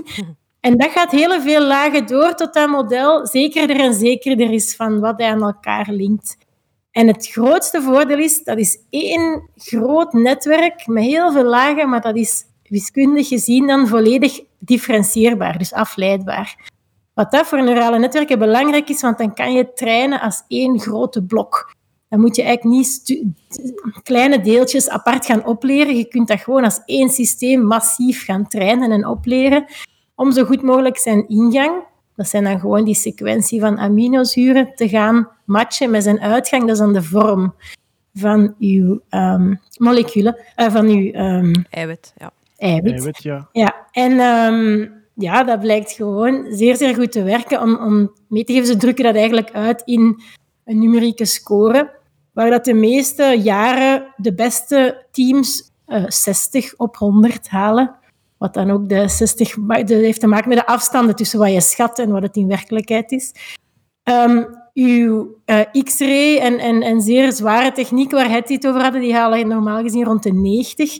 En dit systeem zit nu rond de 85 of 87. Dus super dicht bij hoe goed je het gewoon kan bestuderen met zeer dure apparatuur waarvoor je weken of maanden nodig hebt. Ja, en soms En was het doet het in een dag of zo. Ja, Ja. soms was het verschil zodanig klein dat men niet wist, zit de fout nu bij AI of zit de fout nu in Ja. de elektronenmicroscopie of in de... de Oké. Dus dat is ongelooflijk. En inderdaad, het gaat om echt dingen waar, waar labo's al 10, 20, 30 jaar op aan het zoeken zijn, dat dat in een half uur doet. Hè. In een half uur. Maar dat is gewoon waanzin. Dat is echt... Joeg. Nu, nu, nu wil ik die 14e wereldbeker proteïnevouwen zien met commentaar bij. Oh, ja, ja. iemand eh, tweede deelname dit jaar, Karel. Eh, nieuwe aanpak dit jaar, zelfde management. De jongens zien er fit uit, maar ja, de koers zit, zit in het koppetje. Hè. Ze gaat toch voor een score van, eh, van 90. En dan Michel Wuits, hè. Wist je dat die onderzoeker, dat hij ooit nog een café gehad heeft op de Koppenberg? Wist je dat? Zijn tante verkoopt daar boterkoeken. Wist ik niet, Karel, wist ik niet. Nu, wat ik ook wel interessant vond, en dat is eigenlijk helemaal waar voor onderzoekers, is, dat als er zo'n doorbraak is, iemand zei, ja, ik denk dat er nu heel veel mensen het domein gaan verlaten, Ja. want het is ongeveer opgelost. het is opgelost. En dat is waar, de uitdaging is er nu zo precies een beetje af. Wauw, dus kijk naar dat wat ze is- gedaan hebben en nu kan iedereen iets anders gaan doen. Dat is een van de redenen waarop er op, waarom er op een bepaald moment heel veel professionele damspelers gestopt zijn. Dammen, hè, het spel dammen. Ah, ja, met de AI. Dat was opgelost. Nee, voor de AI. Dat was gewoon opgelost. Bij Dammen Ah, is er een strategie. Ja, ja, Ja. ja. Je kunt, je- altijd, je kunt altijd minstens een gelijk spel afd- afdwingen als je mocht beginnen bij Dammen. Ah. En als je het kunt onthouden hoe het Als je het kunt- ja, ja, dat helemaal moet. Maar die professionele spelers, die, ja, dammen is opgelost eigenlijk. Op Wikipedia, Schaken- schaken nog Wikipedia, niet. ja, op Wikipedia is er een lijst Solved Games, noemt die pagina. En die verzamelt alle spelletjes, van, van simpele bordspelletjes tot, tot moeilijkere dingen op het eerste zicht, die dat opgelost zijn. Waar je dus theoretisch een win kunt afdwingen. Met de juiste boomstructuur Voilà. van beslissingen eigenlijk altijd wint. Misschien nog om eh, eh, af te sluiten hier. ehm Hetty, ja, goed, het gaat heel veel veranderen. Zowel in geneeskundeontwikkeling als algemeen in life sciences. Zoals gezegd, labo's die al 20, 30 jaar zoeken op hoe zit dat eiwit nu gevouwen, die, gaan, die krijgen nu plotseling een gigantische hulp bij. Valt er nu al in te schatten in de komende jaren waar, het plotseling, waar er plotseling een versnelling gaat zijn? Maar ik, nee, ik kan nu geen concreet voor... Maar het gaat niet lang duren. Ge- geef dat een jaar. Allee, december 21 en we gaan, we gaan volgens mij iets, iets bespreken dat daarmee te maken heeft. Ja. Dat is zo echt gelijk zeggen van ja, we hebben nu plots een, een microscoop uitgevonden die niet twee keer, maar, maar 300 miljoen duizend keer vergroot of zo. Dat, dat Ja. gaat overal gaat dat inzitten. Dat is... Ja, en is- ik denk, zoals we daar straks zeiden, je wilt dan weten hoe je die spikes kan maken zonder dat die instorten. Ja, hier steekt je vijf sequenties in en je kijkt welk van die vijf is er niet ingestort. Ah, en die pakken we. En de volgende fase, de volgende fase is waarschijnlijk dat je aan het AI-systeem vraagt. Wij zoeken een sequentie die licht veranderd is, waardoor het zijn vorm behoudt. En dan kan die zichzelf beginnen testen in een soort GAN-systeem, is denk ik. Ja, dat de ja, ene AI de Ja, andere. De ene AI de andere test van ja, je hebt het goed gedaan, je hebt het niet goed gedaan. En dan zou je zelfs Ja. kunnen zeggen aan de computer, zoek zelf eens iets. Dat, Ja, of, of maak mij iets dat een, een, een sleutel-slot-principe is op een eiwit dat al bestaat of zo. Ja, Maak ik wil deze vorm hebben. Voilà. Hoe moet ik dat maken? Maar het omgekeerde ervan, hoe, wat moet ik coderen daarvoor? Het is, ja, het, is, het is echt het is waanzin. Het is waanzin. Ja, voilà. Het is een gigantisch grote ontdekking. Ik denk typisch een van die wetenschappelijke bombshells die compleet niet aan bod komt in mainstream media. Net omdat ze... Ja, ze is enkel maar spectaculair als je een beetje notie hebt van hoe lastig protein folding is. En ook welke gevolgen een snelle oplossing van het protein folding probleem kan hebben in life sciences enzovoort. Maar dus onthoud het, Ja. beste luisteraars. Deze maand... Ja, Misschien eh, nog leuk om te zeggen, we hadden het daar juist over open source. De vorige AlphaFold-model is volledig openbaar gemaakt en ze verwachten dat met dit ook gaat gebeuren. Dus dat gaat gewoon... Iedereen gaat dat normaal gezien kunnen gebruiken. En dat is ook hetgeen dat gigantisch veel impact kan hebben dan. Hè. Ja. een van de minst in het oog springende, gigantische impact hebbende wetenschapsnieuwsjes van waarschijnlijk van het jaar zelfs, eh, Ja. denk ik. Een decennium misschien. Ja, wa- wa- wacht ze. CRISPR is al meer ja, dan... eh, shit, ja. Ik, het voelt een beetje als een nieuwe CRISPR. Moet ik Johnny Trash al bellen voor, voor de proteïnevouw medley? ja, ja, misschien, ja. Oké, Maar- maar van... Kun je hier, ja, kun je hier een Nobelprijs voor krijgen, denkt u? Of is het niet zo baan... Is het zo... Snap je, op een gegeven moment gaat de, gaat de Nobelprijs voor de artificiële intelligentie moeten gaan inroepen. Want is het nu ik informatica, denk- is het nu life science, is het chemie, is het biologie? Maar ik denk, ik denk persoonlijk dat je een, een Nobelprijs... Ja, inderdaad, is het chemie of geneeskunde, maar eerder chemie, want DNA, is die voor chemie gegeven of voor geneeskunde, Chemie, een Nobelprijs? Allee, DNA, nee, nee. DNA voor CRISPR. geneeskunde, maar CRISPR voor chemie. CRISPR voor chemie. Ik denk dat het perfect verdedigbaar is. Enfin, ik, ben, ik zit niet helemaal in het vakgebied natuurlijk. Ik kijk er naar van buitenaf. Maar het zou voor mij niet raar voelen mochten ze zeggen: deze ontdekking krijgt Nobelprijs chemie. Denk ik. Dus, maar ja, goed, zo'n AI-systeem, je kunt het dan niet echt aan ene persoon toekennen. Hè, want dat is altijd eh, gigantische teams die eraan werken enzovoort. Zoals alle wetenschap, hè, dat wordt vaak gezegd, Mhm. kunnen, we- kunnen we dat nog wel doen, Ja. Nobelprijzen aan personen geven. Tot Hetty of Marianne er een gewonnen heeft, eh, blijven we het aan personen geven. Ik ga het aan Marianne mijn laten. vakgebied bestaan die niet, dus dat kan niet. Voor de informatica, ja. Voilà. Je ziet wel, een AI-systeem ontwikkelen. Je kunt een Ja, Nobelprijs winnen en alles. Ooit Nobelprijs literatuur voor een AI-systeem. Ja. Wie weet. Wie weet. Als de Bob. Dylan dat kan Dat krijgen, dan tof kan een. AI dat ook krijgen. Iedereen, ja. Ja. We gaan even naar eh, de robots. Eh, gewoon even in het kort. Jeroen, Boston Dynamics, onze goede vrienden, maker van de Spotrobot en van de Atlas-robot, zijn verkocht aan Hyundai. Ik Ja. zou eigenlijk, eigenlijk moeten we zeggen, nog maar eens verkocht. Want ze Ja, zijn dus eerst, waren ze onafhankelijk van het MIT, dan opgekocht door Alphabet, wat dat eigenlijk Google is, dan Softbank, een soort van Aziatische financiële whatever. Ja, en nu So- bij- Softbank is, Softbank is een, een grote Aziatische investeringsgroep, maar de grote baas van Softbank heeft een immense voorliefde voor technologie, dus zitten heel vaak, eh, heel vaak daarin Softbank. Lekker shoppen. Hè? En nu zitten ze dus bij Hyundai. Ik heb proberen op te zoeken in het verschrikkelijk PR-achtige ehm, nieuwsrelease van, van eh, Hyundai. Eh, Hyundai wil inzetten op, houd u vast, Smart Mobility Solution Providers. Ik ga nog eens zeggen, Smart Mobility Solution Providers. Zijn daar zelfrijdende auto's? Zijn daar robots dat u vervoeren? Het is niet helemaal duidelijk wat dat ze met Smart Mobility Solution Providers bedoelen. maar- Allee, of Het is iets met Internet of Things, denk ik. Ik heb, ik heb eigenlijk ik heb nu al de neiging om het gewoon op mijn naamkaartje te zetten. Smart Mobility Solution Provider. Niemand weet toch wat het betekent. Eh, al, alweer een t-shirt. Smart Mobility Solution Provider Skepsis. Ja, SMS, SMS, SMSP voor de vrienden. En, maar er, er is een beetje vrees. Boston Dynamics is altijd een bedrijf geweest dat eigenlijk research en coole dingen heeft mogen doen, zonder echt na te denken over is dit wel profitable? Kunnen we hier geld uitslaan? Ze hebben eigenlijk altijd een, een goede sugar daddy gehad die maar geld bleef toesteken. Het was eigenlijk niets de, eh, niets de solutions. Het was eh, Nee, het smart, was- smart Mobility Playground. Weg met de solutions. Voilà. En de vrees is een beetje Hyundai, of dat die gaan blijven de goede sugar daddy zijn voor, voor eh, Boston Dynamics, of dat die met hun Zuid-Koreaanse hand op tafel gaan kloppen en zeggen van oké mannen, nu willen we er poen aan verdienen. Dus eh, die spotrobots, eh, ramp up de production en maak er zomaar twintig varianten op, want wij willen dat hier leegmelken dat het geen naam heeft. Dus dat is de vraag wat dat ze willen doen met hun Smart Mobility Solution Providers. Ja, het is natuurlijk... Waarschijnlijk is het een gevolg van het feit dat die spotrobot nu steeds vaker ook echt opduikt in ehm, economische functies. Bouwwerfinspectie, ehm, gevaarlijke sites inspecteren enzovoort. Eh, dus waarschijnlijk denken ze inderdaad van ja, het wordt eindelijk eh, vermarktbaar. Meer zelfs, de NASA heeft deze maand aangekondigd dat ze een spotrobot op Mars willen. Eh, er bestaan al Mars-rovertjes en een van de grote problemen is vanaf dat die zich vastrijden dat je min of meer verloren bent. En heel dat systeem met die vier poten heeft Ja. zodanig veel meer vrijheidsgraden en mogelijkheden om zich los te wrikken, dat ze die zouden willen sturen. Ehm, en dan voornamelijk omdat ze vermoeden dat er op Mars ook ondergrondse lavagrotten zijn. Dus gebieden waar ooit lava was, die dan ingestort is en die nu hol zijn. En die staan bovenop de lijst voor verre toekomst, mocht daar ooit permanente bewoning zijn, is dat een ideale plaats om te beginnen bouwen. In plaats van dat je heel je bunker tegen de straling zelf moet bouwen, kun je gewoon eigenlijk onder een dikke aardkorst, of marskorst, kruipen.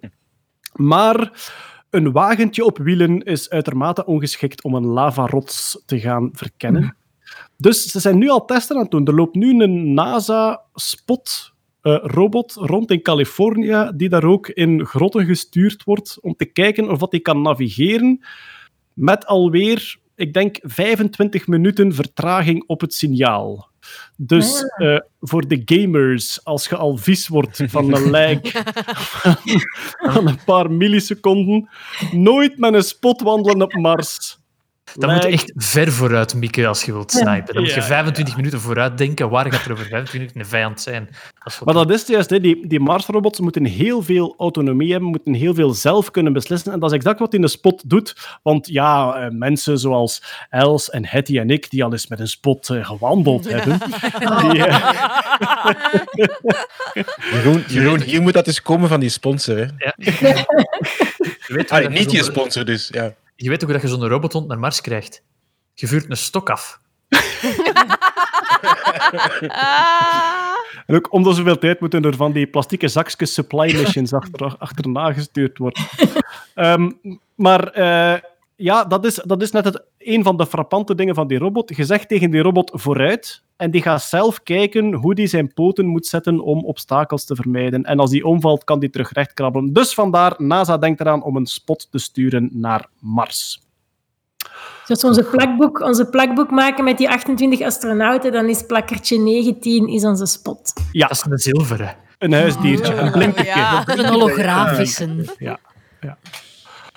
Goed, voor wij naar het mustnieuw gaan, hebben we eerst nog een brokje true crime. En dan is Stefanie uiteraard enthousiast. En ja, het is dit keer wel een zeer nerdy kant van true crime oplossing. De Zodiac Cipher is gekraakt. En ik denk dat we voor de meeste luisteraars, voor mij ook trouwens, want ik ken het zelf niet echt goed, nog even moeten eh, herhalen. Wat is de Zodiac Cipher? Wat voor zaak was dat? Hoe lang is het geleden? En wat is er zo mysterieus aan? De Zodiac Killer is een van de meest ja, mysterieuze eh, serial killer zaken in de laatste decennia. Er zijn een aantal moorden waarvan dat zeker van zijn dat die door hem gepleegd zijn. Speelt zich af eind jaren 60. De man heeft al zeker vijf mensen vermoord. Hij beweert zelf 37, maar ik denk dat dat een beetje overdreven is. Hij beweert zelf in anonieme berichten die hij gestuurd heeft. Ja, want het is zo een van die seriemoordenaars die vooral heel graag in de media kwam. Dus dat was een seriemoordenaar die brieven schreef naar de kranten, naar de politie.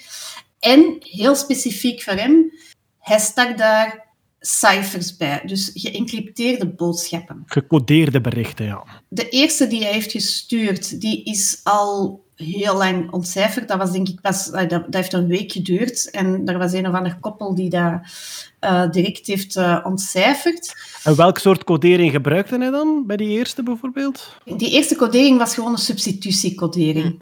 Dus hij, hij gebruikte voor elke letter gebruikt hij een, een, een symbool, of een andere letter, of een Griekse letter, of whatever.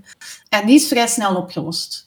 Want mensen, allee, mensen bijvoorbeeld die vaak met codering werken, zijn geocachers. Hè. In, ge- in geocaching worden vaak zo de meest gebruikte coderingen. En voor de meest simpele coderingen bestaat er software die vrij snel achterhaalt wat de- gebruikte codering is. Ja. Ja. Maar hij maakte het steeds moeilijker. Ja, dat- een, heel simpele, een heel simpele codering bijvoorbeeld is, is wat dat Caesar-codering is, is een rot. Waarbij dat je eigenlijk iedere letter opschuift door een andere. Dat je bijvoorbeeld rot 13 is dan dat je de A door de dertiende letter, namelijk de N of de O, opschuift. En dat je op die manier eigenlijk elke letter vervangt door een andere letter. En de eenvoud daarin is dat eigenlijk altijd, als er een E komt, bedoelt je een andere letter. Dus er zit geen variatie daarin. in. Waarin dat je dus heel makkelijk kunt gaan gokken en zo verder ook. Maar Ja, er, er bestaan ook softwareprogramma's die gewoon weten wat de frequentie is van een bepaalde letter in een bepaalde taal. En op ja. basis daarvan heel gericht kunnen gokken. Maar goed, dat was de eerste codering, Stefanie. Daarna heeft hij het steeds moeilijker gemaakt. Ja, we spreken ook over 1969, dus zoveel software was er nog niet. In het begin was het ook nog niet heel duidelijk dat, we, dat er echt een seriemoordenaar was. hè. Hij heeft, eh, drie koppels heeft hij aangevallen en dan heeft hij een taxichauffeur vermoord.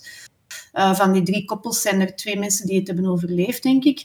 Dus het heeft even geduurd voordat men doorhad van... Oké, we hebben hier een seriemoordenaar. Hè, 69, lang geleden. Dat was toen het eigenlijk een beetje begon door te dringen dat er dus mensen waren die verschillende moorden plegen en dat de term seriemoordenaar werd geponeerd. Die eerste code heeft hij in drie stukken gestuurd naar drie verschillende kranten. Hij heeft drie verschillende kranten in San Francisco aangeschreven en gezegd van kijk, ik wil dat je die code publiceert. Die hebben dat gedaan. En dat was een redelijk simpele substitutiecode in die zin. eh, Er waren wel, denk een stuk of vijf verschillende eh, symbolen voor elke letter. Dus dat heeft wel een beetje, ik zal niet zeggen gokken gekost, maar die vrouw die dat, dat dus een koppel die dat heeft opgelost en die vrouw was eigenlijk heel verstandig en die zei van, ja, ik veronderstel dat hij gaat beginnen met te vertellen over zichzelf. Dus de eerste cijfer, de eerste, het eerste symbool gaat waarschijnlijk staan voor I. Hè? I.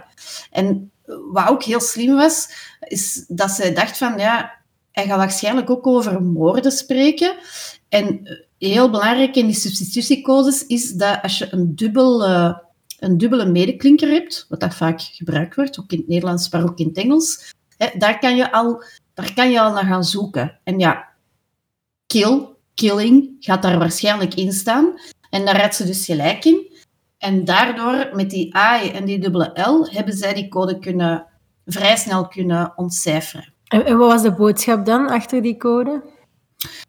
I like killing because it is so much fun. Uh, it's even better than getting your rocks off with a girl. Het is, het is, het is, het is, er zit niet veel achter. Het is, uh, Klinkt als een speech. Klinkt als een van de betere speeches van Trump. Ik ging net zeggen, eh, geen sponsor van de podcast. Geen, nee, Nee. geen, voor zover dat we weten is hij geen sponsor van de podcast. Want misschien... Ja. Maar goed, dat was, dat was zijn eerste cijfer. Daarna heeft Ja. hij gigantisch veel dingen gestuurd. Nu, het, het nieuws was nu, de Zodiac Killer is ontcijferd. Wil dat dan zeggen dat, zijn, dat nu al zijn boodschappen ontcijferd zijn? nee. Heeft, naar wat dat we weten, zijn er vier cijfers die hij heeft gestuurd. Er zijn er natuurlijk nog een aantal andere gestuurd, maar die zijn waarschijnlijk fake. Dus de dingen waar dat we zeker van zijn, zijn vier cijfers. Die eerste die had 408 tekens. Daarom ook was die vrij gemakkelijk te ontcijferen. De tweede, die dan nu pas is ontcijferd, 340. En dan zijn er nog twee kleintjes, eentje van 18 en eentje van 32. En ja, dat is bijna onbegonnen werk, omdat dat, ja, dat is te kort. Je hebt weinig om mee te werken, ja, natuurlijk. Je hebt Ja. er weinig om mee te werken. Nu, die 340, daar hebben heel veel mensen heel lang, heel hard op gewerkt. Al 50 jaar lang eigenlijk. 51 jaar. Dat eigenlijk, eigenlijk al de meerderheid van de mensen dacht van, ja, dit is gewoon gibberish. Hij heeft gewoon... Hij heeft ons bij ons kersen, zeg maar. Hè? Ja. Maar, heel to the, the web sleuths, to the armchair detectives, want er zijn drie mannen die eh, zich daarop hebben gestort. Een Amerikaan, een Australiër en een Belg. En die hebben samengewerkt en die hebben onlangs die befaamde, zogezegd onkraakbare code gekraakt. En met software of met handwerk of de combinatie? Met software. Want die eerste cijfer, dat was gewoon een, een substitutiecijfer. Hè? Maar die tweede, dat is een substitutiecijfer gecombineerd met eh, transpositie.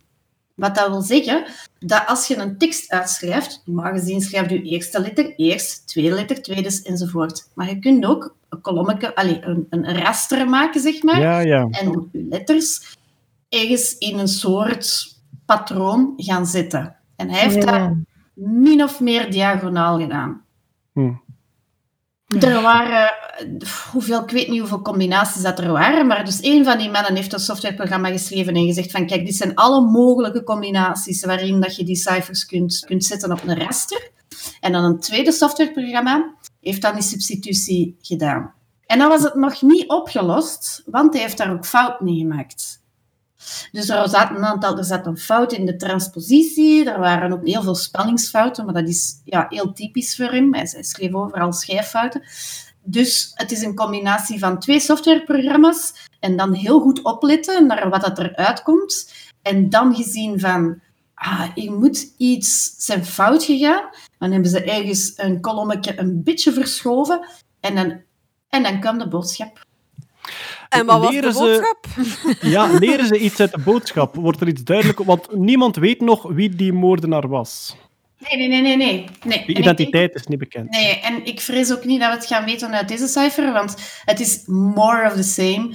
Waar dat naar verwijst is, vlak voordat die cijfer was eh, verstuurd, wederom naar de politie en naar die kranten, is er iemand die op een, een tv-programma heeft ingebeld, die, die, die beweerde dat het een Zodiac was. Dat was een hoax, dat was gewoon iemand die dat, ja, dat als grap had gedaan. En in de cijfer die nu is eh, ontcijferd, zegt hij van, ja, that wasn't me on the TV-show. Ik ben niet bang van de gaskamer. En ja, meer van dat ja, self-aggrandizing gebrabbel. Want ik eh, spaar mijn slaven voor in Paradise en weet ik veel wat. Maar wat dat wel min of meer duidelijk is, is dat hij het wel was, omdat hij dezelfde spelfouten maakt. Bijvoorbeeld Paradise schreef hij altijd met een C, vreemd. En de, de, de manier waarop dat hij schrijft en de dingen die hij zegt zijn heel consequent met alle andere brieven en cijfers die hij, die hij schreef. Maar dus, Zodiac Cypher, eh, 51 jaar oud, opgelost mede door een Belg. Zit er nu nog progressie in de zaak? Ja. Zie, zie je het nog gebeuren dat we Ja, op termijn weten wie, wie die moordenaar was? Ja, er zijn twee mogelijkheden. Ik zeg het al, er waren fouten in. Hij schreef ook altijd spelfouten in zijn brieven en zo. Ehm, eerlijk gezegd denk ik dat daar ook iets in zit. Want je kunt spelfouten hebben en spelfout, spelfout, eh, bepaalde woorden schreef hij bijvoorbeeld perfect. En eh, soms schreef hij bijvoorbeeld kit met een C. Wie schrijft er nu kit met een C? Sorry. Als dat, dat kind, is- ja. ja, dat is keiraar. Dus misschien zit er iets in die fouten.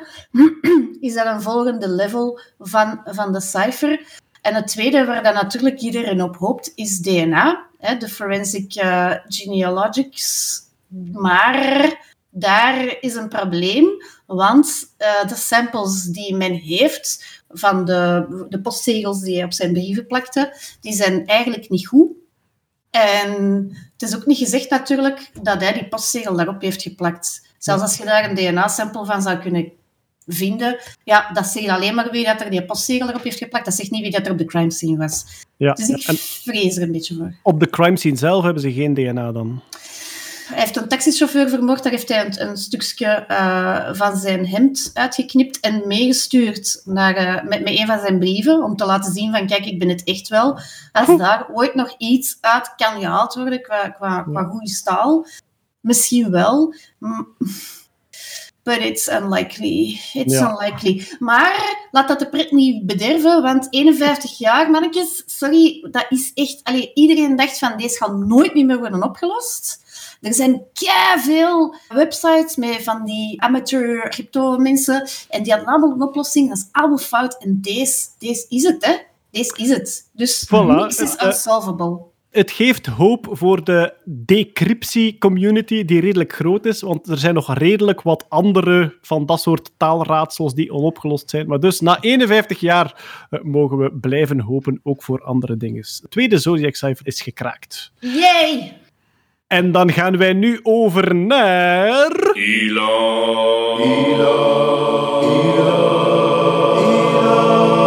Musk Nieuws. Niet enorm veel Musk-nieuws deze maand, maar toch wel ook belangrijk Musk-nieuws, namelijk de Starship Hop-test. De Starship, het grote ruimteschip van Musk, waar ja, ik denk tientallen passagiers op termijn zouden moeten inpassen.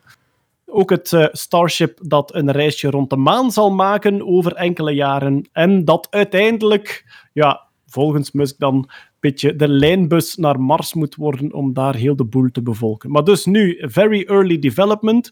Het Starship had al een hoptest gedaan, had al, denk ik, 100 meter hoog of zo gevlogen. Nu Ja. is het naar 15 kilometer hoog gevlogen en dan terug naar beneden gekomen. Ik heb live zitten kijken, Kurt. Heb jij hem ook live gevolgd? En niet live. Het is niet alleen een hoptest, dus niet alleen tot een bepaalde hoogte gaan, tot ongeveer 12,5 kilometer, hè, dat er omhoog ging. Maar vooral, het was een test om eh, op een eh, eigenlijk redelijk spectaculaire manier naar beneden te komen. Namelijk op het moment dat hij 12 kilometer of 12,5 kilometer hoog is, Je moet je inbeelden, eigenlijk is dat een silo. Zo'n graansilo die naar boven gaat. Ehm, dat hij dan, en dan gaat, zie je eigenlijk, als je het filmpje kunt herbekijkt, zie dat hij eigenlijk eh, zijn drie engines één na één afzet. Om eerst te vertragen. Op een gegeven moment ja, zweeft hem en dan komt hem terug naar de aarde. Maar op het moment dat hij naar de aarde terugkomt, draait hem eh, horizontaal. Er zijn namelijk zo vinnetjes aan en die zorgt ervoor dat hij horizontaal eigenlijk een bellyflop, zoals het dan genoemd wordt, doet. Op die manier willen ze testen uh, als die spaceships terugkomen van een rondje rond de maan of van de maanbasis of whatever. Een groot probleem altijd, of een moeilijkheid, is altijd om terug binnen de atmosfeer van de aarde te komen. En vanaf dat je daar binnen bent, creëert je een met weerstand en zitten heel hard soort vuurbollen die daar normaal gezien landen als die recht naar de aarde gaan. En dus het idee van SpaceX is van, goh, laat ons een keer gewoon zwevend proberen om terug te keren naar de aarde. Maar dat wil dus wel zeggen dat je een spaceship nodig hebt dat uh, horizontaal zichzelf kan positioneren ten opzichte van de aarde. Beetje dus, zoals de, de, Space Shuttle ook deed. Die, ja, de, inderdaad. De Space Shuttle eigenlijk, uh, met zijn, laat ons zeggen, met de buik van de Space Shuttle werd ja. er heel veel luchtweerstand gevangen om zo voilà. te vertragen. Ja, je kunt het je zelf voorstellen, als je gewoon horizontaal afdaalt, dat is altijd gelijk een delta vliegen, dat is altijd gemakkelijker en comfortabeler dan rechtstreeks naar de aarde te gaan. Uh, maar dus dat was de test eigenlijk. Oké, op naar boven, één na één de motoren afzetten, op uw horizontale kant met, die, met uw roervinnen draaien. En dan, uh, en dat ging allemaal redelijk goed, eigenlijk beter dan verwacht. En dan op het einde moet hij natuurlijk terug, de gekende SpaceX-landtechniek, de alle raketten terug verticaal landen, moet hij terug verticaal komen en dan moeten die engines terug aanschieten. En de bedoeling was dat er twee zouden aanschieten. Er is er ene goed aangeschoten, de tweede is niet volledig aangeschoten. Als je het filmpje herbekijkt, dan ga je zien dat er een groene vlam uitkomt en dan allemaal speculaties hoe komt dat dat groen is. En trouwens, een aanrader voor dat soort dingen is een YouTube-kanaal van Scott Manley, moet je zeker een keer bekijken. Die legt dat allemaal, dat is een rocket engineer die dat allemaal perfect uitlegt van wat dat er op dat moment misgegaan is. Uh, is gewoon te weinig uh, brandstof op dat moment aan het ontbranden geweest. En zo de koperen behuizing of whatever langs de binnenkant is dan een beetje beginnen. De motor zelf is eigenlijk in brand geschoten, wat dat niet de bedoeling is. Ik, uh, ik was met kerstmis ook niet volledig aangeschoten. Ja. maar, wel, maar wel goed geland waarschijnlijk.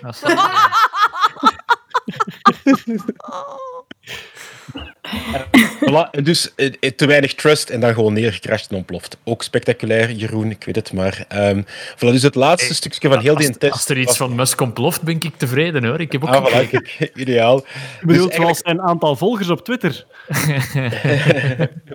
nee, maar dus het, waren wel... Ja, het, het waren wel... Allez, ik heb live zitten kijken en ik vond magnifieke beelden, vooral omdat dat, dat, dat gigantisch gevaarte dat inderdaad manoeuvreert in de lucht en horizontaal gaat liggen en ja, een duikvlucht maakt en weer dat draait. Is een silo, hè?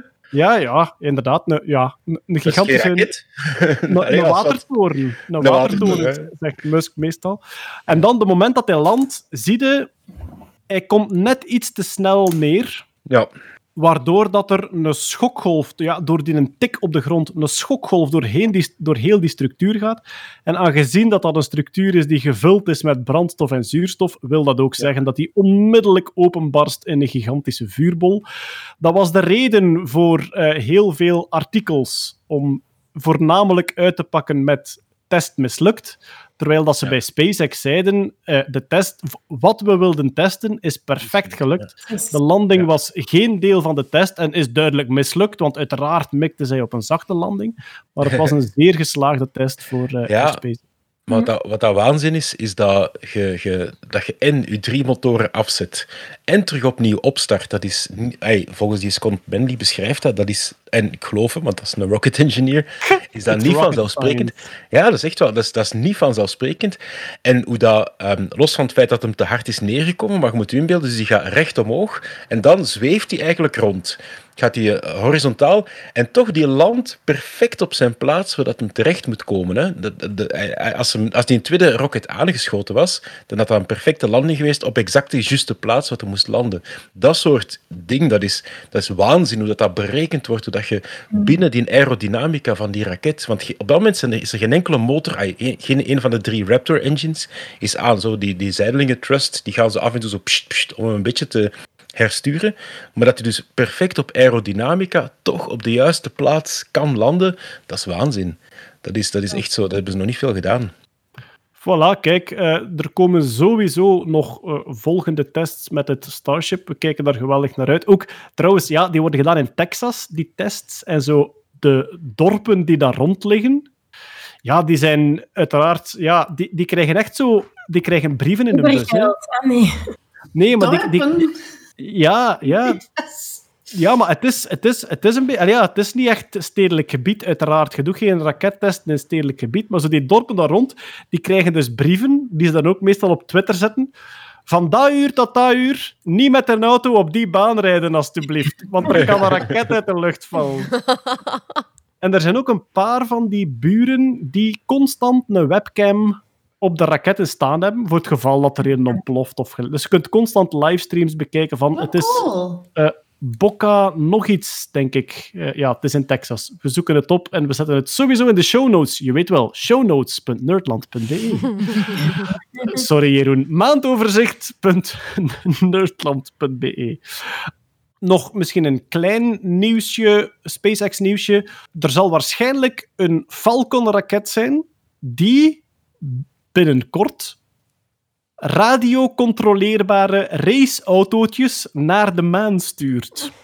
Goed, dus we hebben het hier over het soort raceauto's waar dat je mee rijdt, dat je zelf kunt besturen. Die zouden van op aarde bestuurbaar zijn door gamers, neem ik dan aan. En die worden naar de maan gestuurd om daar van op aarde bestuurd te worden. Stefanie, ze, worden, ze gaan mee met een SpaceX-raket, maar ik denk dat het idee zelf geen SpaceX-project is. Hè? Nee, nee, het is een samenwerking tussen eh, eh, commercieel bedrijf en een ander minder commercieel bedrijf. Maar het is zo, eigenlijk zo'n beetje van in, in de lagere school of in de middelbare school van hey, we gaan zoiets zo doen eh, in de kangoeroe-klas of in de fysica-klas. En allee, je moet iets bouwen, hè? of hè, je bouwt iets voor, een- voor een ei te laten vallen dat dan niet kapot mag zijn en zo. Die dingen. Doe dat maal 10.000. En dit is het dit is het resultaat.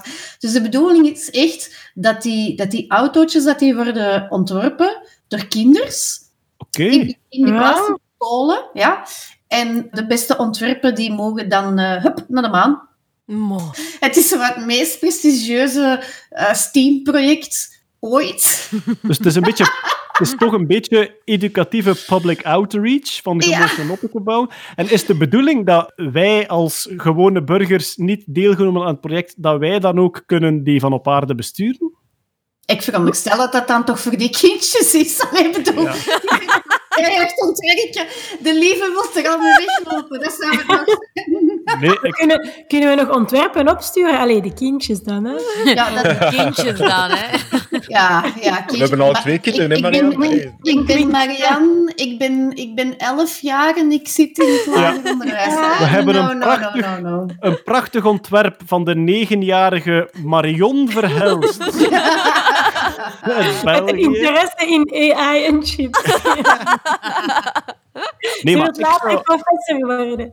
Ja. ik zou denken, als die auto's daar zijn, dat je dat gewoon, dat je dat gewoon verhuurt. Hè. Van hier, jongens, 20 euro om twee minuten met een autoken op de maan te rijden. Ik bedoel, direct toch? Ah, En dat, dan- is weer die, dat is weer die onzichtbare hand van het kapitalisme dat u Uiteraard. in uw mouw naar boven komt. Maar ook Nee, ik niet... lijk, Ik ook Ja. lijk van vier seconden, denk ik, naar de maan. Ja, ik Ik hoorde Jeroen al zeggen, lijk. Ja, Ik weet niet of dat die kindjes dat zelf gaan kunnen besturen. Ik weet het niet. En het is ook, het is, het is, allee, ik vind het eigenlijk een beetje zot, want allee, er zouden dan camera's worden gezet in een soort, eh, in een soort circuit of zo. I don't know how they're gonna do it. Maar, wie gaat die, wie gaat die racebanen proper houden daar? Want er gaat toch constant stof erover komen. Ja, dat zal dan mee in uw ontwerp moeten zitten. Hè? Misschien moet je dan Ah, stofzuigerautootjes. Nee, dat stond mee in de Nee, dat de specificaties. ruimte, hè. Dat stond Hoe mee in de het, eh? specificaties, dat ze zo de elektronica moet tegen stof kunnen en zo. Dat stond er. Ah, oké. Hoe, hoe heet het project, Stefanie? First race to the moon. First Race to the Moon. Kijk, we zetten Dat, dat, de, klinkt een beetje, dat klinkt een beetje arisch. In de show notes die je kan Nee, vinden. on the moon. On the moon, pardon. First Niet to Race the moon. on the Moon, ja. Ja, het is blijkbaar, ik zie het hier nu, ze gaan een soort van racewedstrijdje houden. Die autootjes mogen tegen elkaar racen. Dat wordt dan zo Saverius College tegen... tegen Tegen Deurne. de- Tegen Deurne. Fixt en verdeuren. Deuren gaan winnen, die, die, die knallen die gewoon uit die bocht. Die hebben dan Geen dat wordt zo- scrupules. Dat wordt, dat wordt zo... Het, het, eh, ehm, dat wordt eigenlijk een, een mengeling tussen de, de robot race en ehm, Robot Wars. Robot Wars. Ja, voilà. Ik Maar dan- dus, eh, voor wie het verder wil lezen, we zetten de show notes op uh, wombatkakisvierkant.nerdland.be. Kurt DNS aanpassen nu. Is dat dan is met gelijk aantekentje of is het is geschreven? Kunnen, kunnen we niet Allebei alles, werkt, Kurt. we Het werkt alles, allebei. kunnen we niet alles dat niet bestaat.nerdland.be laten doorverwijzen? Weet je wat gek is? Dat is Zelfs al als, lang je, gebeurd. Zelfs als je het achterwaarts spelt, werkt het nog. Kom je nog steeds uit op de Ja, en dus tegenwoordig, de, de DNS-specificaties zijn aangepast, want er kunnen nu ook emojis in URL's gebruikt Oh, worden. Oh. Ik wil je Ah. geen ideeën geven, lieve, maar... Nerdland.be. Zover was het niet. Het is eh alleszins een URL met 20% spaties erin verwekt, zoals gewoonlijk. Ehm, we hebben nog wat nieuwtjes staan. We gaan daar eventjes door op een, goh, ik ging zeggen snel tempo, maar ik moet zeggen redelijk snel tempo, want er staan nog wel uitermate boeiende dingen tussen. Om te beginnen, een grote hack. Er was een grote hack, eh, vermoedelijk van de Russische inlichtingendienst, de SolarWinds hack. En Jeroen en Kurt, jullie hebben er alle twee naar gekeken. Ja, Ja. ehm, hij volgt een beetje een atypische weg. Hij heeft, als ik me niet vergis, de update gebruikt Ja. Van een service provider van So- nee. software aan. SolarWinds, dat is een bedrijf en die verkopen netwerkmonitoring tools. Dus aan hele grote bedrijven en overheden ver- verkopen die tools om hun netwerk mee in de gaten te houden. Dat is zoals een Office-pakket kopen. Ah, we hebben de nieuwe SolarWinds-versie. Het softwarepakket noemt Orion. En wat is er nu? Waar is die hackergroep, de Russen, in geslaagd? Maar even Dat voor is- de duidelijkheid, uw netwerk in de gaten houden, is dat dan security of Ja, stabiliteit? het is een security pakket. Het is, Ja, het is oké. een, een netwerkmonitor. Eh, en ja, een beetje ironisch dat net dat bedrijf SolarWinds, de, de verkoper van, de, van dat softwarepakket, die is gehackt geweest, waarschijnlijk in maart al. En in de updates van dat pakket, dat dus alle groten der aarde gebruiken, is die eh, Russische hackersgroep erin geslaagd om malware in te steken. Dus we zeggen altijd tegen iedereen, ik ook als beveiligingsmens, installeer de updates. Die zorgen ervoor dat je computer veiliger wordt. Natuurlijk, als de updates zelf, die door iedereen vertrouwd worden en snel binnengehaald, als die zelf eh, gehackt worden, dan zit je gewoon met een probleem. En dat is wat er hier gebeurd is. We noemen dat een supply chain attack. Dus de, de aanvoerleiding van, van eh, nieuwe software, die wordt eigenlijk gehackt. Eh, je, je misbruikt eigenlijk een beetje het vertrouwen dat mensen al hebben in die supply chain. Als er een update van Windows uitkomt, dan installeert je die best. Je, je denkt niet meteen na van, ja, maar wat als Microsoft gehackt is en de update van Windows zelf is het kwaad, snap je? Dus, dus het is een beetje die trust dat wordt misbruikt. En ja, Department of Homeland Security in Amerika gebruikt die software, National Institute of Health, eh, verschillende nucleaire eh, geaffilieerde eh, Mhm. overheidsdiensten in de Verenigde Staten, Microsoft, Cisco, Intel, Nvidia. Het is nog een beetje kijken van wat is er effectief gestolen bij die bedrijven, want die hack bestaat dus al sinds maart. Eh, wanneer is waar er data ontfutseld en welke data, dat is nog een beetje koffiedik kijken. En het zou vooral zijn om echt eh, data te lekken, dus om, om da- data te gaan stelen, niet zozeer om dingen echt te gaan, te gaan saboteren. Nee, nee, data stelen. De meeste van die malware werkt als een soort van sleeping agent. Dus dat zit op je systeem. En om het uur of om, om de dag belt dan naar huis, belt dan naar de Russen. In dit geval een server ergens die niet gelinkt kan worden als Rusland, maar wink, wink, nudge, nudge. En zegt hij van, zeg hallo, ik zit hier bij door het venstertje naar buiten. Ik denk dat ik hier bij Nvidia zit. Ik zie hier veel Nvidia-gerelateerde servers in het netwerk. Ik zit hier, moet ik iets doen voor u? En dan kun je beginnen selecteren van, ah, kijk, we, we zitten binnen bij Nvidia. We willen daar eens de kwartaalcijfers van, eh, van volgend jaar, eh, eh, van het voorbije jaar opzoeken, om te kijken wanneer dat we moeten de markt manipuleren. Dus dat werkt echt met een, een soort van... Ja, je kunt het vergelijken met zo'n IT die phone naar home wil bellen. Hè? Eh, nee, naar home wil bellen. Ja, maar voilà, belt home. belt- home, ja. belt IT Maar je- naar home voor nieuwe instructies. Dat, dat weten we niet. Hè? Ja, dat weten we niet. Maar in dit geval, weet het is zo, die, die domeinnaam, naar waar dat die malware dus eigenlijk om de zoveel tijd een pingesje ging doen, hè, van bestaat al? Eigenlijk een whois ging doen om te gaan kijken, bestaat al? Die domeinnaam, zo hebben ze het eigenlijk ontdekt van, hé, dat is wel raar dat die eigenlijk om de zoveel tijd naar die domeinnaam iets gaat vragen. Dus ze zijn daar niet geraakt, omdat Microsoft zit er wel heel hard op en die hebben die domeinnaam dan eh, in, onder hun controle gepakt, zodat dan niemand eigenlijk uh, de thuisbasis kan claimen van die malware. Ze, ze hebben IT, Op gepakt, manier- op, ja, ze hebben IT gepakt op telefoonkosten. Op telefoon, ja. dat, zit hier om het uur internationaal. te- die, die, die domeinnaam zelf was avsvmcloud.com. eh waar dat die malware dus eigenlijk naartoe belde iedere keer om daar waarschijnlijk instructies te krijgen. Dan weten ze niet wat dat er dan nog zou gebeuren. Kunnen Maar ze nu hebben ze die geclaimd, maar daarvoor was die eh, door iemand anders geclaimd. Of Eh, waarschijnlijk gewoon nog niet geclaimd. Dus eigenlijk... is eh, er niet gebruikt dan. Nee, Of- dus ze gingen die malware activeren door die domeinnaam te claimen. Er is zo'n lange tijd geleden is ook zo'n grote hack die dat ook een ransomware attack, waarbij ze ook op basis van DNS-naam die hebben kunnen onschadelijk maken om die domeinnaam eigenlijk af te pakken van de uiteindelijke hackers, waardoor dat eigenlijk al die software die, dat, eh, die, die malware die dat verspreid was, niet meer actief kon zijn, omdat die allemaal gingen bellen naar dat bepaald domeinnaam en dus daar niet meer terecht konden. Er werd gezegd, ehm it's got Russian fingerprints all over it. Uiteraard zegt Rusland zelf niks mee te maken. Hoe, hoe bewijsbaar is dat nu, dat dat Russische inlichtingendienst is? Moeilijk. Het is, het, is Ja. ge- het is gebaseerd op werkwijze van bekende Russische... Al die bear-groepen. Je hebt Fancy Bear, je hebt Cozy Bear. Ze noemen die hebben allemaal troetelnaampjes, die groepen daar. Gegeven door westerse onderzoeksgroepen dan. Eh, het is de werkwijze van de Russen. Het is, het is vrij complex ehm, om een supply chain attack te doen. En vandaar denken ze, ja, er zit een grote natiestaat achter die er het geld en de tijd en de resources voor heeft, dus Rusland. Ja.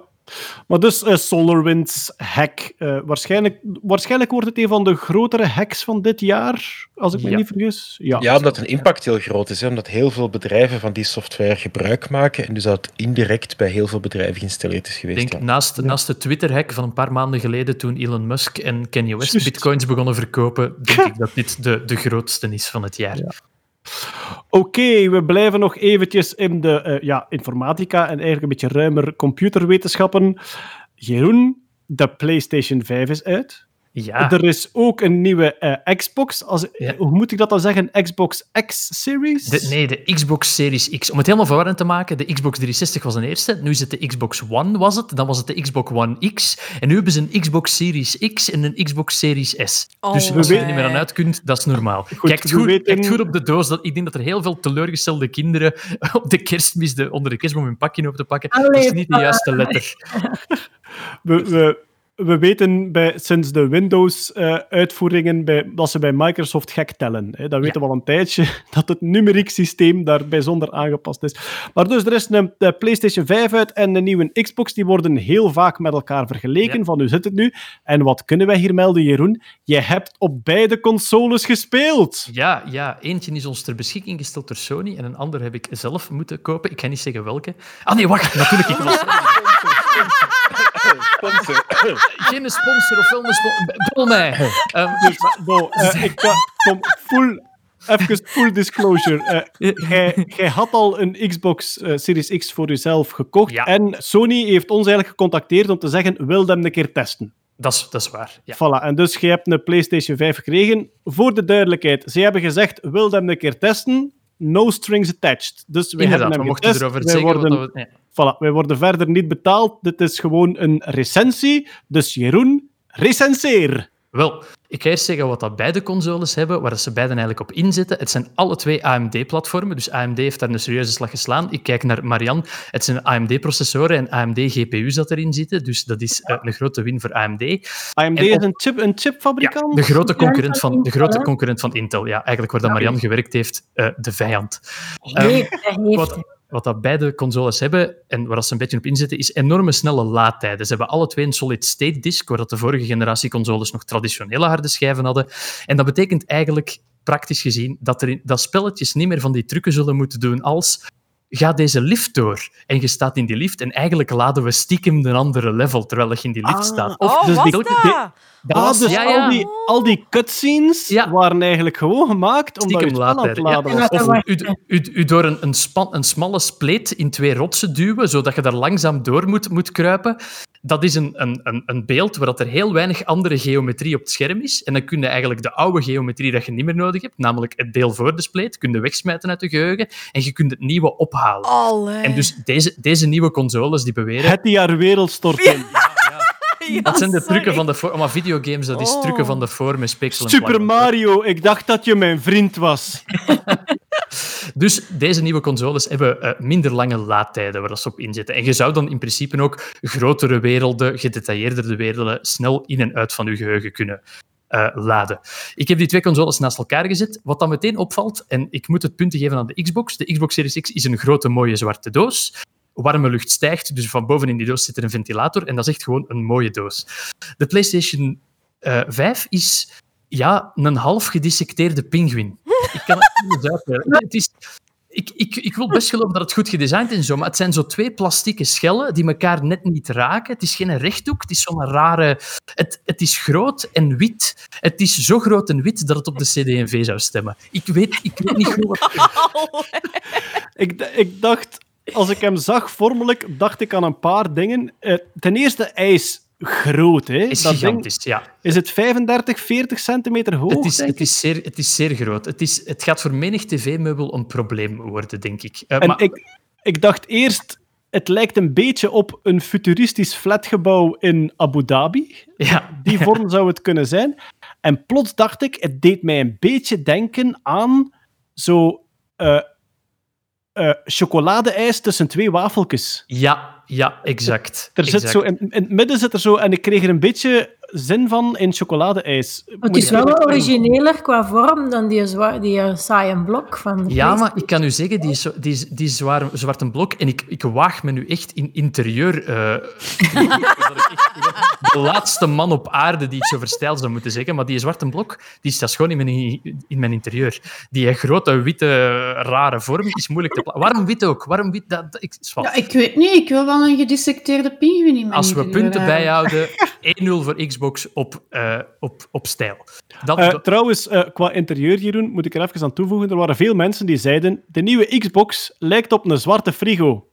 ja, En Microsoft heeft daarop gereageerd en gezegd van, weet je wat, dan kun je hem nu ook kopen als frigo. Dus wat is er nu beschikbaar? Wat? Een frigo in de vorm van de nieuwe Xbox. Nee.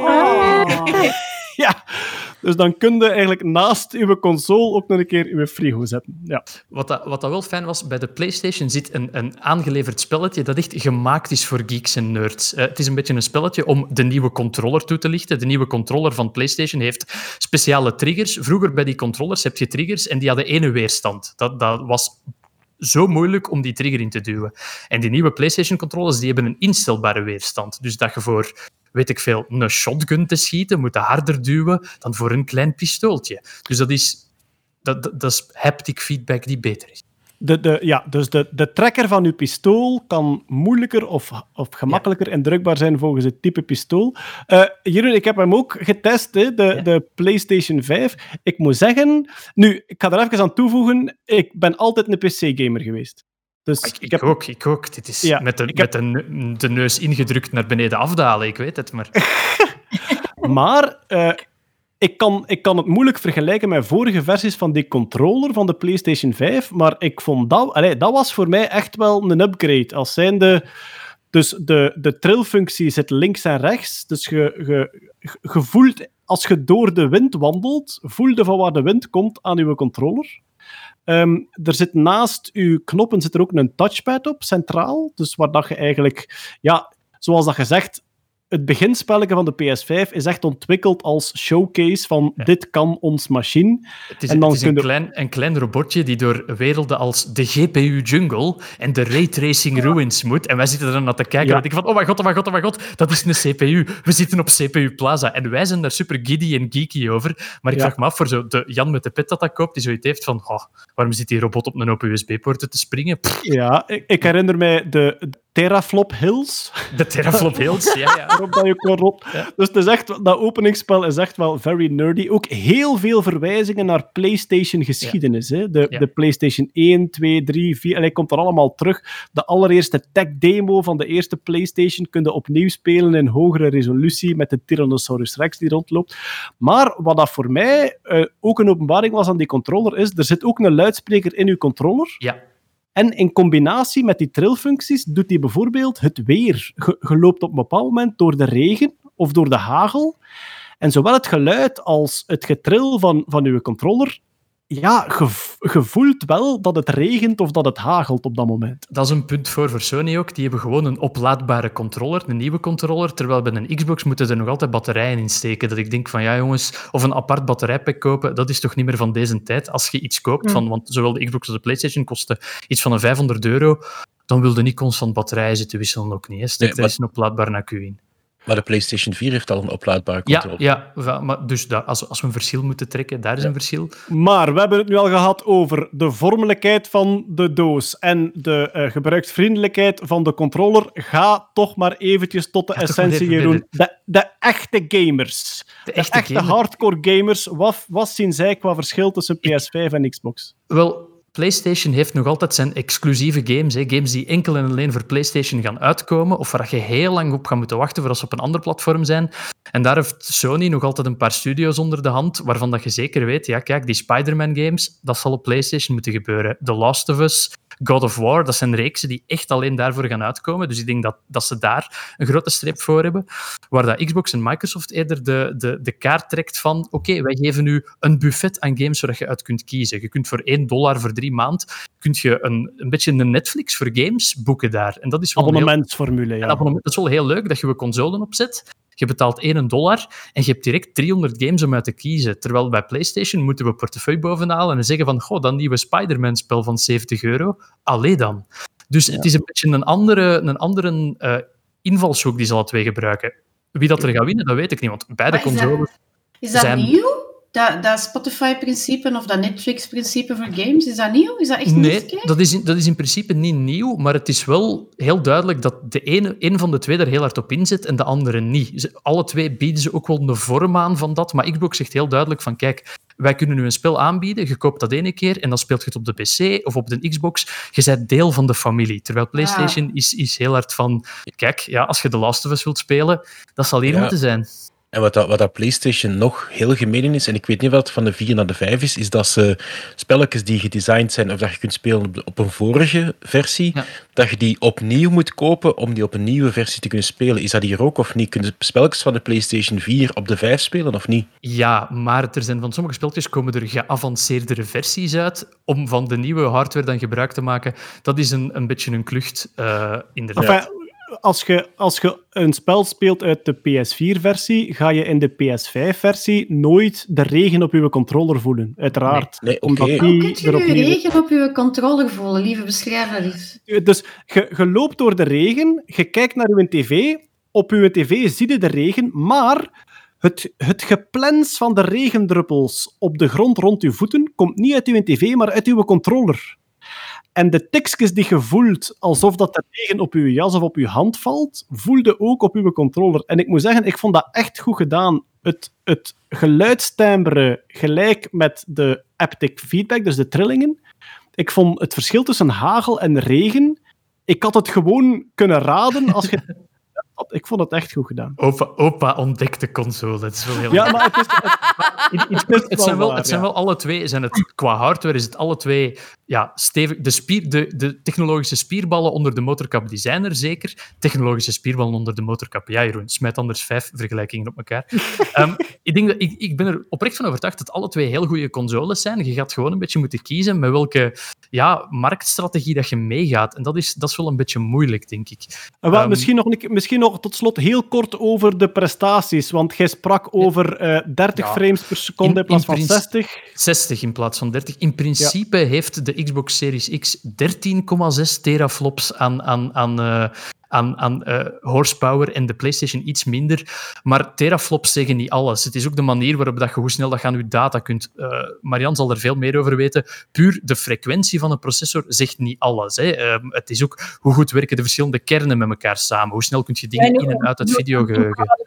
De, de ene heeft wat rappere processoren, maar de andere heeft er veel meer in parallel, waardoor dat ja. ook bij sommige code een voordeel heeft. Heb jij iets gemerkt, Jeroen? Als je kun je, of zijn ze zodanig aan elkaar gewaagd, of kun je als gamer zeggen, ja, het voelde toch iets vlotter. op Voor, voor, de, voor de games die op beide systemen uitkomen, is het eigenlijk heel moeilijk te zeggen waar het beter draait. Ehm, dat, dat is eigenlijk niet te doen. En ze hebben ook alle twee de grote vernieuwing in, in graphicsland is raytracing. Dat bestaat al sinds de jaren 80 uiteraard. Dat is licht simuleren en daarmee kun je heel ingewikkelde effecten zoals reflecties. Reflecties nu in games, meestal is dat een vieze hack om deel van je scherm te kopiëren waar dat je het ziet. Eh, screen space reflections noemen we. Met raytracing kun je allemaal effecten doen. Eh, die mooie reflecties, maar die zijn super moeilijk en super duur. En met speciale hardware kan het wel. En die hebben ze alle twee. Ik heb dat speciaal voor u opgezocht, Jeroen, Ja. omdat je... Dus ja, Jeroen en ik zaten alle twee de PlayStation 5 te testen, dus ik moest af en toe vragen aan Jeroen, wat moet ik doen, wat moet ik doen? Ja. Hoe werkt dat? Wat voor een gekke computer is dat hier? Leg het eens uit, APP. En eh, Jeroen werd heel enthousiast over de Ray Tracing Jungle, die in dat ene spelletje zit. Ik heb dat al zitten opzoeken, en dus als ik het goed begrijp, de standaard, eh, dus de hele oude 3D-spelletjes, die hebben gewoon veel vlakken. Hè. Je, je maakt een soort kubus en je bepaalt dan een lichtbron. De lichtbron komt van eh, rechts achter u. Dat wil dat zeggen, hoe meer dat uw vlak naar uw lichtbron gedraaid is, hoe lichter het wordt, hoe meer het ervan afstaat, hoe donker het wordt. En zo maakt het een 3D-effect. Maar natuurlijk, een spiegel werkt totaal anders. Een spiegel wordt niet per se lichter als je hem naar de lichtbron eh, draait. Dan moet je eigenlijk vanuit je lichtbron een, straal, een lijntje trekken. En op het vlak moet die heel symmetrisch gereflecteerd worden volgens de reflectiewetten. Veel meer rekenkracht, maar... Er zijn twee manieren, vanuit uw lichtbron of vanuit uw oog vertrekken. Hè. Vanuit uw oogstralen schieten en kijken waar die terechtkomen, is, is ook een manier.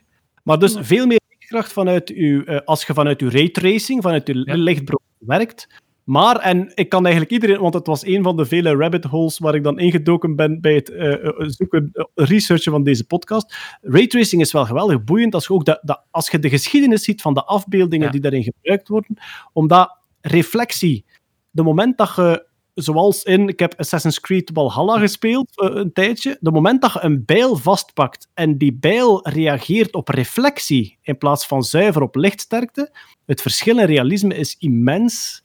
En ik herinner het mij vooral de moment dat wij, want we zijn nog samen gaan VR-gamen in, in de park bij Telenet.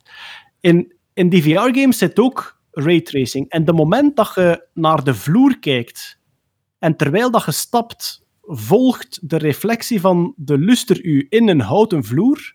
Voor mij was dat het aha-moment van realisme. Dat geeft zijn- een gevoel van ik ben hier echt.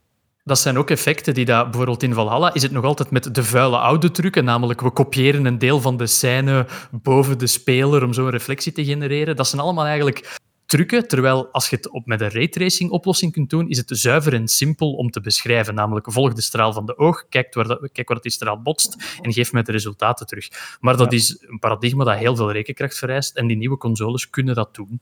Ehm, dus ja. trouwens, raytracing wordt ook heel veel gebruikt bij het onderzoek naar draadloze communicatie. Uw wifi-golven of uw mobiele telefonie, dat zijn ook allemaal rays en golven dat je kunt ja, reflecties berekenen. En... De, de, de, de Pixar-films zijn ook geraytraced. Net, daar maakt het niet uit dat uw computer daar drie uur over wilt rekenen, want je hebt tijd en je hebt geld. Bij een videogame wilt je 60 beeldjes per seconde resultaat. Dan kun je niet zeggen van wacht telkens drie uur totdat ik de perfecte reflectie berekend Maar heb. Kun, dat is- kun je dan niet zo drie uur door een smalle kloof kruipen om de spiegel, om de spiegel te bereiken uiteindelijk? Als je weet waar dat de speler exact gaat kijken op die spiegel, maar vanaf dat hij een beetje verkijkt, moet je berekening helemaal anders. Ja, lap. Dus Bon, ehm, wij, eh, ja, ik heb de PlayStation 5 dan eh, getest. Jeroen heeft ze alle twee getest, PlayStation 5 en Xbox. Wat ik vooral geleerd heb, ten eerste... Ja, ik moet wel zeggen, als, eh, als eeuwige PC-gamer tot nu, het feit dat je achterovergeleund in je zetel met een draadloze controller kunt op een kussentje liggen terwijl dat je speelt, was een verademing. Langs de andere kant... Die cutscenes zijn zo lang geworden in die games. Ik, ik kom van een tijd waar dat je GTA speelde en dat je gewoon van het een naar het ander kon. En nu is dat gewoon minutenlang naar wauwelende vikings Dan, dan, moet je de, dan moet je de spellen van Hideo Kojima spelen. Zijn laatste spel, Dead Stranding, de eindscène, ze hadden mij op voorhand gewaarschuwd. Als je, dat einde, als je aan het einde komt, zet u een avond vrij, want de eindcutscene is 1 uur en 40 minuten. En effectief, ik had een zak chips gepakt, en dat is goed, hè, alles komt te samen, maar dat is echt, ah ja, dat was het spel, hier is nog een film. Maar ja, ik, bon, we moeten dringend een keer een moelde geek Ja, over, games games doorheen de jaren. Want door kinderen te krijgen heb ik echt een gigantisch aantal jaren game-evolutie gemist. En ik voel mij zo nu echt gelijk PP die uit gevangen komt. Hè, van, wat is dat met de wereld? Is iedereen hier zot geworden? Ik bedoel, als ik een race-spel speel, zit ik eerst een half uur in de garage bougies te kiezen. ik, ik heb dat niet voor... Dat is echt waar. Ik wil gewoon racen op een autostrade tegen andere auto's die ongeveer even goed zijn als ik. Nee, kom, ik neem je even mee naar de garage. Wil je de nieuwe BMW? Wil Ik heb, je... dat in die an- ik heb dat in die andere spelletjes. Dan is zo, het hoofdverhaal is, de wereld gaat vergaan. We moeten hem snel redden in die Assassin's Creed. En dan is het toch van, wacht even, de moeder van Demosthenes heeft nog tien sokken nodig uit het speciale woud. Kun jij die niet even aan? Ik ben, ik ben bezig. Tien minuten geleden was het einde van de wereld nabij. Nu ben ik sokken aan het verzamelen in een woud. Fuck off. Dat is de ludonarratieve dissonantie, lieven. En daar zullen we het over hebben in de Moelde Geek. voilà, een moeilijke geek over oude, oude mannen zoals ik die zich druk maken over het feit dat videogames niet meer zoals vroeger zijn. Niemand wil nog videogames spelen met mij, want ik blijf ook overal een half uur staren naar grafische effecten om te kijken van hoe doen ze dit. Jeroen Ja, voilà. stopt me in die plas water te kijken, rijdt verder. Nee, hè? Ik wil weten hoe dat, dat effect marcheert. Maar Jeroen, dat is kei mooi. Dat is net zoals een tweejarige die dat botjes aan heeft en gewoon in een pasje water. Voilà, dat zit jij dan in de computerwereld. Ik hè. wil naar de stripclub en ik wil gangsters op verschieten. Nee, we kijken naar de plas water. En dan kijken gaan we naar- de stripclub. De reflectie van de maan in de zee. En voilà. Nee, dus speel nooit co-op met een grafisch computerwetenschapper. Dat is eigenlijk de les die Jeroen ons hier meegeeft. Eh, ja, ik moet één ding zeggen over eh, Assassin's Creed Valhalla. Daar wordt gewoon IJslands gesproken. Ah, maar kijk Dus- eens aan. alle gesprekken op de achtergrond, dus niet, niet de dialogen, maar de gesprekken op de achtergrond, zijn oude vikingtaal, wat dat dus het huidige IJslands geworden is. En dat, dat, gaf mij toch, dat was toch eventjes hartverwarmend, dat ik achter mij, als ik iemand een stomp gaf, uitgemaakt werd voor Heimskur Bjaune, wat domme idioot betekent, en dat ik dat toch, dat, dat ik de beledigingen, kon, de vikingbeledigingen kon verstaan in Valhalla Assassin's Creed. Dat was Dat is, dat is dus wel heel grappig. Als, als, lief, als jij en Jeroen samen Assassin's Creed gaan spelen, staat er ene gewoon naar die Ja. mensen te luisteren en één in de plassen te kijken. Oh, prachtig. Twee, on, ja, twee, ontoerekeningsvatbare, twee ontoerekeningsvatbare vikings. Speel je, met, speel je met de mannelijke of de vrouwelijke viking, lieve? Met het manneke, ja. Met Ah, hoe verschrikkelijk oudbollig van je. Maar dat is ook weer, hè, dus dat verhaal start en je kunt dan kiezen tussen mannelijk of vrouwelijk, maar je kunt ook kiezen tussen, laat het narratief zelf beslissen welk van de twee je bent. Dus zelfs de X, hè, dus MVX, zijn daar, eh, zijn daar alle drie in Kan dat dan veranderen tijdens het spel? Ik denk het wel, je kunt heel veel aan, je kunt moeilijkheden aanpassen tijdens het spel. Gelijk, ik zit nu vast op een bossfight waar ik niet doorgeraak, dus ik ga die gewoon op easy zetten en dan weer zien hoe dat ik verder ga. Ik bedoel, het is toch, het is toch een, een, een film Of gewoon even wisselen naar de vrouw, zijn dan mensen zal dat ook wel zijn mensen dat op u neerkijken. Hè? Zijn mensen dat op u neerkijken voor dat te doen, hè, lieve. Ja, dat spel moet u vormen. ja. Hè? Ja. Dat is goed. Dat zijn ook de mensen die bougie staan te kiezen bij. Natuurlijk. Dat kan mij niet schelen. Ik heb nog één conclusie. Ehm, dus we hebben een, een PlayStation 5 mogen testen. Ik heb daar een foto van op mijn Instagram Stories gezet en ik was er mij niet van bewust, maar vele mensen haten mij daar nu voor. Je gaat, sneller een, je gaat sneller een vaccin hebben dan dat je een PlayStation 5 kunt kopen in de winkels. Want dat is overal uitverkocht. Dat is, dat is het probleem. I kid you not, ze zijn alle twee te koop op de zwarte markt. Ja, het ja. Pfizer, het Pfizer-vaccin werd te koop aangeboden voor 900 euro op de zwarte markt. Dus via, via Tor zal dat geweest zijn. De PlayStation 5 haalt al 1500 euro. Dus mensen betalen al meer voor een PlayStation dan voor een Allee. Pfizer-vaccin. Mag je dat Kijk, staan, dan mo- moet je niet meer buiten komen. Werkt Ja. ook, hè, ja. Ja, ja. Ik een jaar binnen met Spider-Man of een vaccin. ik, ik weet het toch ook niet, hè? Ja, het, het is, langs de ene kant geeft de vaccin, langs de andere kant geeft de quarantaine aan iemand. Dus, ja. Stel je dat- voor dat, stel je voor dat zo Jo- Jos, Hermans, Jos Hermans een PlayStation had ik cadeau ja. En dat live uitzenden. Ik was hem ook, in plaats van PlayStation 5, hadden ze hem ook Lockdown 3 kunnen noemen. Voilà. dezelfde marketing geweest. Oké, we gaan nog snel door de dingen die we nog staan hebben. Marian, de smellicopter passeerde. de smellicopter is, ehm, eh, het is niet de helikopter van John McAfee. Het is een drone. Het is een Ja. drone die bestuurd wordt, ja, die zich richt op geur, maar het frappante daaraan is, en ja, jammer dat Peter hier nu is, maar als geurreceptor gebruikt hij de antenne van een nachtvlinder. Ja, ze pakken die antenne van een nachtvlinder en die gaan ze met elektronica verbinden. Zodanig dat eigenlijk, die is veel gevoeliger voor geuren, want ook die nachtvlinders die richten zich op basis van geur naar een bepaalde plaats dat ze willen gaan. Dat kan een soortgenoot zijn of een, iets dat ze willen gaan opeten. En in die antenne zitten eigenlijk een heel aantal um, ja, chemische processen die geuren kunnen versterken komt er eigenlijk op neer dat er um, proteïnen in zit waar die geuren zich aan binden. En dat gaat dan weer andere proteïnen of receptormoleculen gaan activeren. En uiteindelijk genereert dat een potentiaalverschil over die antenne. Dus je moet denken, dat is een antenneke van centimeter of twee, drie, denk ik, die ze gebruiken. Ze knippen dat eigenlijk van die nachtvlinder af. En dan gaan ze dat in twee uiteinden verbinden aan een metalen plaatje dat aan een elektronisch bordje hangt. En daar komt dus gewoon een spanningsverschil te staan over die twee uiteinden van die antennetjes. En dat kun je opmeten. En dat is veel gevoeliger dan gewoon een elektronische sensor dat we vandaag de dag kunnen bouwen en kopen. Peter is daar geweldig enthousiast over. Dat heet blijkbaar in de entomologie, bestaat er zoiets als een spikebox. En een spikebox is een machientje dat die potentiaalverschillen meet. En je kunt dus van gelijk welk insect eigenlijk een antenne op dat doosje zetten. En die antennes zijn typisch gevoelig voor de, uh, de seksuele pheromonen van de vrouwtjes. Hè. Dus de mannen hebben gevederde antennes en die zoeken eigenlijk de vrouwtjes op geur. En mensen vragen zich soms af van hoe kan het dat één molecuullijke verschil of een paar molecuullijke verschil... Zo werkt dat dus. Ze hebben antennes links en rechts. En de antenne waar het meest signaal van komt, daar draaien ze naartoe. En zo vliegen ze in de wind tot als ze terechtkomen bij het doel. Mensen vragen zich af, hoe kan iets klein als een molecule een zodanig potentiaalverschil geven. Ik vind het beste voorbeeld is, stel je voor dat heel uw vloer vol ligt met muizenvallen die opgespannen zijn en je gooit daar één pingpongbal in. Dat geeft een gigantisch effect, omdat al die muizenvallen op elkaar vallen en elkaar doen afgaan.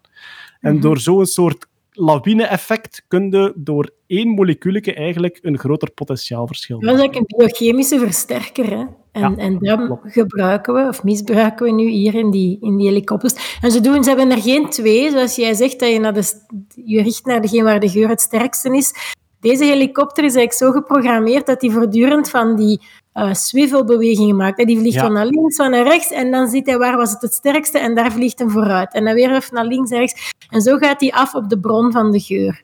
En ze hopen om daar ooit um, gaslekken mee op te sporen of uh, overlevenden onder het puin te vinden. Verschillende toepassingen zijn ze over aan het nadenken. Ja, want dat is ook het wonderlijke aan die antennes van die nachtvlinders. Die zijn immens gevoelig voor één specifieke geur. Te meer omdat ze voornamelijk naar één geur op zoek zijn. Dus onze, onze neus, en zeker de neus van een hond bijvoorbeeld, is immens gevoelig voor duizenden, miljoenen geuren. Maar die boet dan een beetje in aan ja, compactheid, terwijl die nachtvlinderantennes kun je heel specifiek op ene geur engineeren. En misschien zelfs met CRISPR kunnen daar zelfs een soort... Ja, is, ik wou het net zeggen, ik vond het een beetje een artikel waar ze zoveel mogelijk buzzwoorden bijeen gepropt hebben, maar CRISPR was er dus ook ingepropt. Maar dat ze zeiden van, kijk, nu kunnen wij eigenlijk helemaal niet specifiek in bepaalde geuren ons daarop richten. Um, maar zeiden ze, in de toekomst kunnen we crisperen en dan kunnen we onze antennes zo maken dat ze die geur eruit halen. Maar, maar gebruiken de antennes ook raytracing? Ja. Uh, met een AI-systeem gaan ze dat doen. Je gaat, daarover lezen, je gaat daarover lezen op de blockchain. Ja. Mijn kaart is vol, hè. ja. Interessant ook nog, is dat, dat is ook een beetje zielig, maar alleen, ze halen die, natuurlijk die antennes van die motten en dan werkt hij tussen de twee en de vier uur. En geleidelijk aan wordt hij begint dat slechter en slechter te werken en dan zijn ze kapot. Ja. Ja, wel, we hebben het misschien al vermeld hier, maar er is ook een, een start-up die probeert om geurdetectie-eiwitten uit muizen te halen. Hè. Dus ja, zoogdieren maken ook geurdetectie-eiwitten en probeert dat daaruit te oogsten. Een Antwerps bedrijf is dat, denk ik. Eh, ja. Dat zal Deurne zijn, hè? Sorry. Ongetwijfeld. Of ergens op de grens van Hoboken en Wilrijk. Wie weet. Wie weet. Goed, wat hebben we nog staan? Els, er komt een Doctor Who special op nieuwjaarsdag. Dus op dit moment moet die nog komen. Maar waarschijnlijk op het moment dat wij op antenne komen, uh, uh, is die al geweest. Ja, Doctor Who, Els, we zijn alle twee fan. Ik moet wel zeggen, ik heb de laatste seizoenen minder gevolgd, omdat ik de verhaallijnen een beetje vond afwijken naar vooral educatief-historisch. Ja, eigenlijk Maar terug een beetje ja, naar de geschied, naar, terug naar het begin van Doctor Who. Hè, want zo is dat uiteindelijk begonnen. Hè. In de jaren zestig was dat zo, we willen dat is een beetje educatief verantwoorde science fiction maken. Een beetje naar bepaalde tijdsvakken reizen en een beetje de mensen bijleren van hoe dat het er daaraan toe ging. Ja. en daar zijn ze zo de laatste jaren een beetje terug naartoe gegaan. Hè. Ja, wel, maar ik denk dat je misschien... Enfin, mensen zoeken altijd verschillende dingen in, in dat soort fictie. En dus inderdaad, dat, dat historisch is, is één aspect. Ik denk dat ook heel veel mensen, en misschien zoals ik, ook wel op zoek waren naar de Daleks en, eh, en de Cybermen. En, oh en boy, dan moet jij echt soort- op 1 januari kijken naar Doctor Who. Want het ik heet het... Revolution of the Daleks. Dus, voilà. dus voor de mensen zoals ik, die bij de voorbije seizoenen soms dachten van god, het is nu wel veel geschiedenisles. Ik denk dat nieuwjaar onze dag wordt. Ja, ja, ja. Maar de laatste, allez, je hebt misschien de laatste reeks nog niet helemaal gezien, maar helemaal op het einde gaat het veel meer terug in de richting van echt wel zo de grote monsters uit de ruimte en de hele gekke theorieën van tijd en ruimte en hoe dat, dat dan allemaal eh, anders zit en zo van die plotholes maken om die dan zelf terug te vullen. En, allez, dat is, we zijn terug zo meer in het science fiction gegeven en minder in het eh, Rosa Parks, wie was zij en waarom was zij belangrijk gegeven. Zo. Ja. Ah, voilà. Maar dat is inderdaad, wat je nu beschrijft, is exact wat ik een beetje miste in dan de eerste aflevering van de nieuwe reeks. Dus ik moet doorzetten en de rest ook bekijken, maar ik ga gewoon beginnen met die, met die nieuwjaarsspecial. Meestal, die nieuwjaarsspecials zijn meestal een evenwicht tussen op zich wel een goed instapmoment, maar ook heel veel verborgen knipogen naar wat er al gebeurd is in Doctor Who. Ja, en zo'n beetje joligheid. Hè? En eh, ja, dit jaar komt eh, Captain Jack Harkness, eh, John Barrowman komt terug. En dat is, ja, dat is eigenlijk de, beetje de glitterbal van Doctor Who. Hè? Dat is gelijk als ze Ja. een discobal terug binnenzetten, zet daar een lamp op, hopla, en het is feest. Hè, ja. Het is de, de Tom Cruise van Doctor Who. Ja, en ik ja. bedoel het goed zo waar. ik bedoel het zo waar goed. Ja. Oké, ja, een nieuwjaarsspecial van, van Doctor Who. Ja, wij kijken er naar uit en eh, de mensen die luisteren kijken er ofwel op terug, ofwel raden we ze gewoon aan van te kijken. Hè, want een Doctor Who-verslaving, daar kun je sowieso niet vroeg genoeg mee beginnen. Jeroen, we hebben nog één iets gestaan en ja, iedereen vraagt zich af, zitten er geen kak en dieren in? Ja, wel dieren, geen kak, maar het was toch een, laten we zeggen, een krantenkop uit het wetenschapsnieuws die we niet konden laten liggen. Octopussen slaan soms vissen, gewoon uit chagrijnigheid. Dat klopt. Dat is onderzocht door de Universiteit van Lissabon. Eh, Lissabon ligt in Portugal. En een bioloog, Eduardo Sampaio. Ja, Lissabon ligt in Portugal. Je ziet het ook een beetje educatief ertussen, hè, jongens. Eh, die hebben het gedrag van octopussen in de Rode Zee bestudeerd. En blijkbaar octopussen die jagen samen met de vissen. Die hebben alle twee eh, eh, een soort van verbond van samen op, op, op prooi jagen. Eh, kleine, kleinere visjes of kleinere makreeldingetjes. En ehm, die maken eigenlijk gebruik van hun eigen sterktes. Een octopus kan waarschijnlijk heel snel bewegen, is heel bewegelijk. En een vis kan blijkbaar heel goed dingen opsporen, kan heel goed vinden. Er is iets dat hun vereende krachten maken een beter jachtteam. Maar wat blijkt nu? Als die vissen volgens die octopussen niet genoeg hun best doen bij het gezamenlijk jagen, dan kunnen die wel eens tegen de tentakel lopen. Effectief, er zijn, er, zijn, er, zijn, er zijn filmpjes. The octopus performs a swift, explosive motion with one arm directed at a specific fish partner, which we refer to as punching. Dus effectief, ja. Want die octopussen die jagen met verschillende vissen samen. Het zijn verschillende vissensoorten die ze een, een slag kunnen geven. En effectief, origineel was de hypothese dat, de, de, dat, die, eh, dat die slag dat dat werd gebruikt om de vissen bij zich te houden tijdens de, tijdens de jacht. Of om ze van andere prooidieren weg te duwen. Maar eigenlijk, ja, eigenlijk kom, het besluit van het artikel komt erop neer. Ze doen het waarschijnlijk gewoon uit chagrijnigheid. Een vorm van agressie. Dat gaat hier niet snel genoeg vooruit. Het is te lang geleden dat je mij het gevonden hebt om te boeven. Ik Oude kop kwaad. staat mij Mot. niet aan. Ja, mot. Echt gewoon. Die octopus zijn gewoon slavendrijvers eigenlijk. Dat is gewoon de Een beetje wel, een beetje wel. Ja. Maar ik heb, ik heb de filmpjes gezien ook. Het is, Het is echt... hilarisch. Het is wachten tot er iemand zo een typische slapstickfilm vuistslaggeluidje opzet. Want het, is echt, het, is, het is niet dat ze echt razendsnel uithalen, maar het is echt gewoon een vuistje maken met de tentakel en dan richting vis. Poenk. Ja, Echt een vuistje. Dus Ja, ze ja, ja, ja. die, ten- die, tentakel. die tentakel krult zich zo'n beetje op. Zo. Precies zoals in een tekenfilmpje, dat je zo... eh, boing. Ja.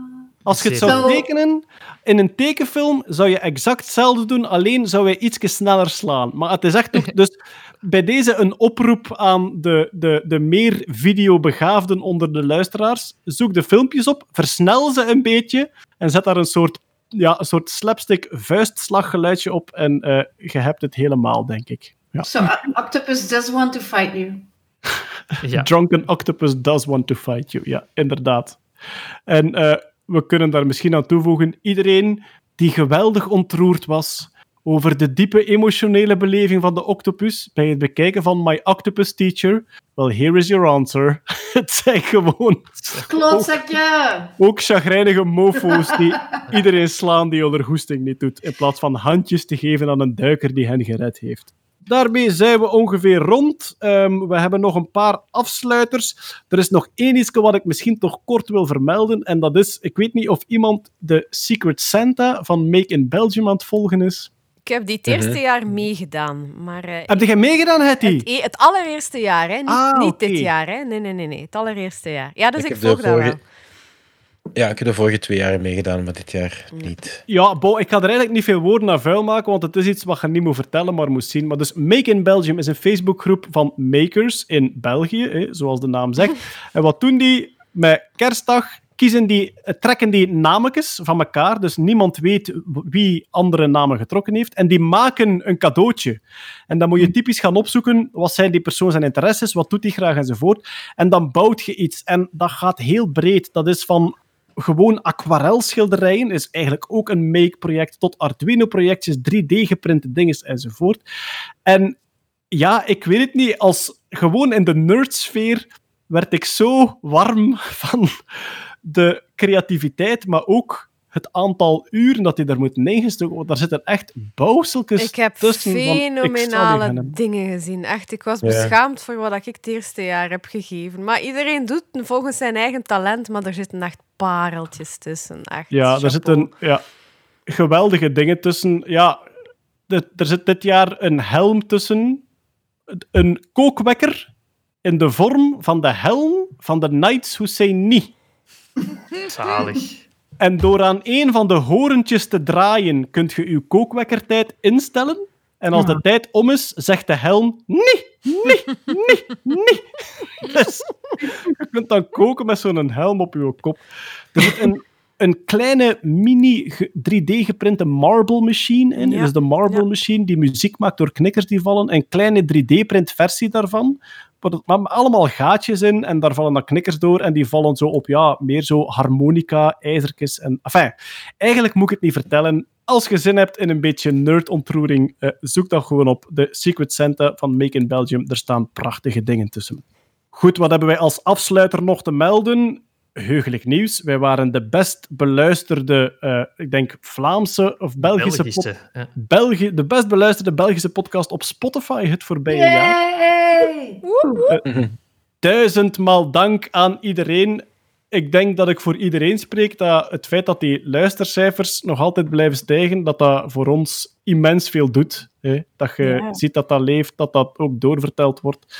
Ehm, ja, voor de duidelijkheid, welkom to the AA. Die waren, denk ik, tweede of derde, maar die worden vooral beluisterd op YouTube. Dus eh, maak hiervan niet dat wij de best beluisterde podcast van België te koer zijn, maar wel op Spotify. Yay! Ge- Voilà. ge- geen sponsor. Nog, nog niet. Wij gaan proberen om vanaf nu een soort vast release schema te aanhouden. En dus deze zin wordt ofwel de start van structuur, ofwel iets wat over een jaar op hoongelach wordt onthaald. Ofwel Ehm. gewoon weggeknipt. Ja. Als deze, als deze podcast uitkomt op 23 maart. eh, Ja. Ons plan is om vanaf nu telkens op de derde van de maand uit te komen met de podcast. Meer bepaald om 14 uur 15. Ehm, en de rest, ja, de rest laat ik aan u. Derde van de maand om 14 uur 15. De rest kan je zelf wel beredeneren waarom we dat precies voor dat moment gekozen hebben. Eigenlijk hadden we voor 420 kunnen kiezen ook. Maar nee, goed, eh, dat is voor uh, uh, iets anders. We zijn Elon Musk niet, hè? Kom op. Nee, uiteraard. Was het maar waar. Dus, vanaf nu proberen wij de derde van de maand uit te komen. En dan nemen we op ongeveer een week ervoor, hè, om dat allemaal rond te krijgen, de afwerking van de podcast, voor dat moment. Maar dus kijk, ja, we hopen dat dat lukt. Dan hebben we vanaf nu een vaste maandelijke afspraak in plaats van telkens weer die neurose en de Twitterberichten van wanneer komt je enzovoort enzovoort. um, ja, dat is al het nieuws over onze podcast. En dan gaan wij gewoon afsluiten met een uh, sponsor die wij al een keer gehad hebben en waarvan wij zeer blij zijn dat die opnieuw sponsort, omdat dat gewoon een van onze gedroomde sponsors is. En dat is Ferry Positron, een online kledingwinkel voor, eigenlijk zou je kunnen zeggen, geeky, nerdy kledij. Hun, maar... hun, tagline, hun, tagline is The Wardrobe for smar Smarty Pants. Ah, wel, maar ik moet nu even zeggen, ik denk dat vele van ons komen uit de generatie waarbij dat geeky kledij, um, de Think Geek en de Get Digital, namelijk uh, unisex t-shirt met grappig opschrift. Ja. En dat is wel iets, maar ja, dat is wel iets wat dat in deze webwinkel echt wel een 2.0 is, namelijk het zijn gewoon kleren. Hè. Het zijn infinity sjaals, het zijn kleedjes, het, het is van alles en nog wat. Het is niet alleen de t-shirt. Er is een beetje van alles. Ik heb voor, zelf ook voor, rondgestuurd. Voor volwassenen, ja. voor volwassenen en voor kinderen is ook uh, belangrijk om te vermelden. Want het is, en voor baby's zelfs, als je zoiets hebt. Want er zijn veel lockdown-baby's die blijkbaar gaan geboren worden de komende maanden. Steekt uw kleine direct in iets geeky, dan komt dat goed terecht. Wat heb ik en onder andere gezien? Niet kleren ook, maar ook juwelen, hè? Ja, ja, wat heb ik gezien? Onder andere een, een, een baby bodyke met een paar uh, lijntjes Python-code erop. Ja. Waarom ook niet? Om direct duidelijk te maken over wat het gaat.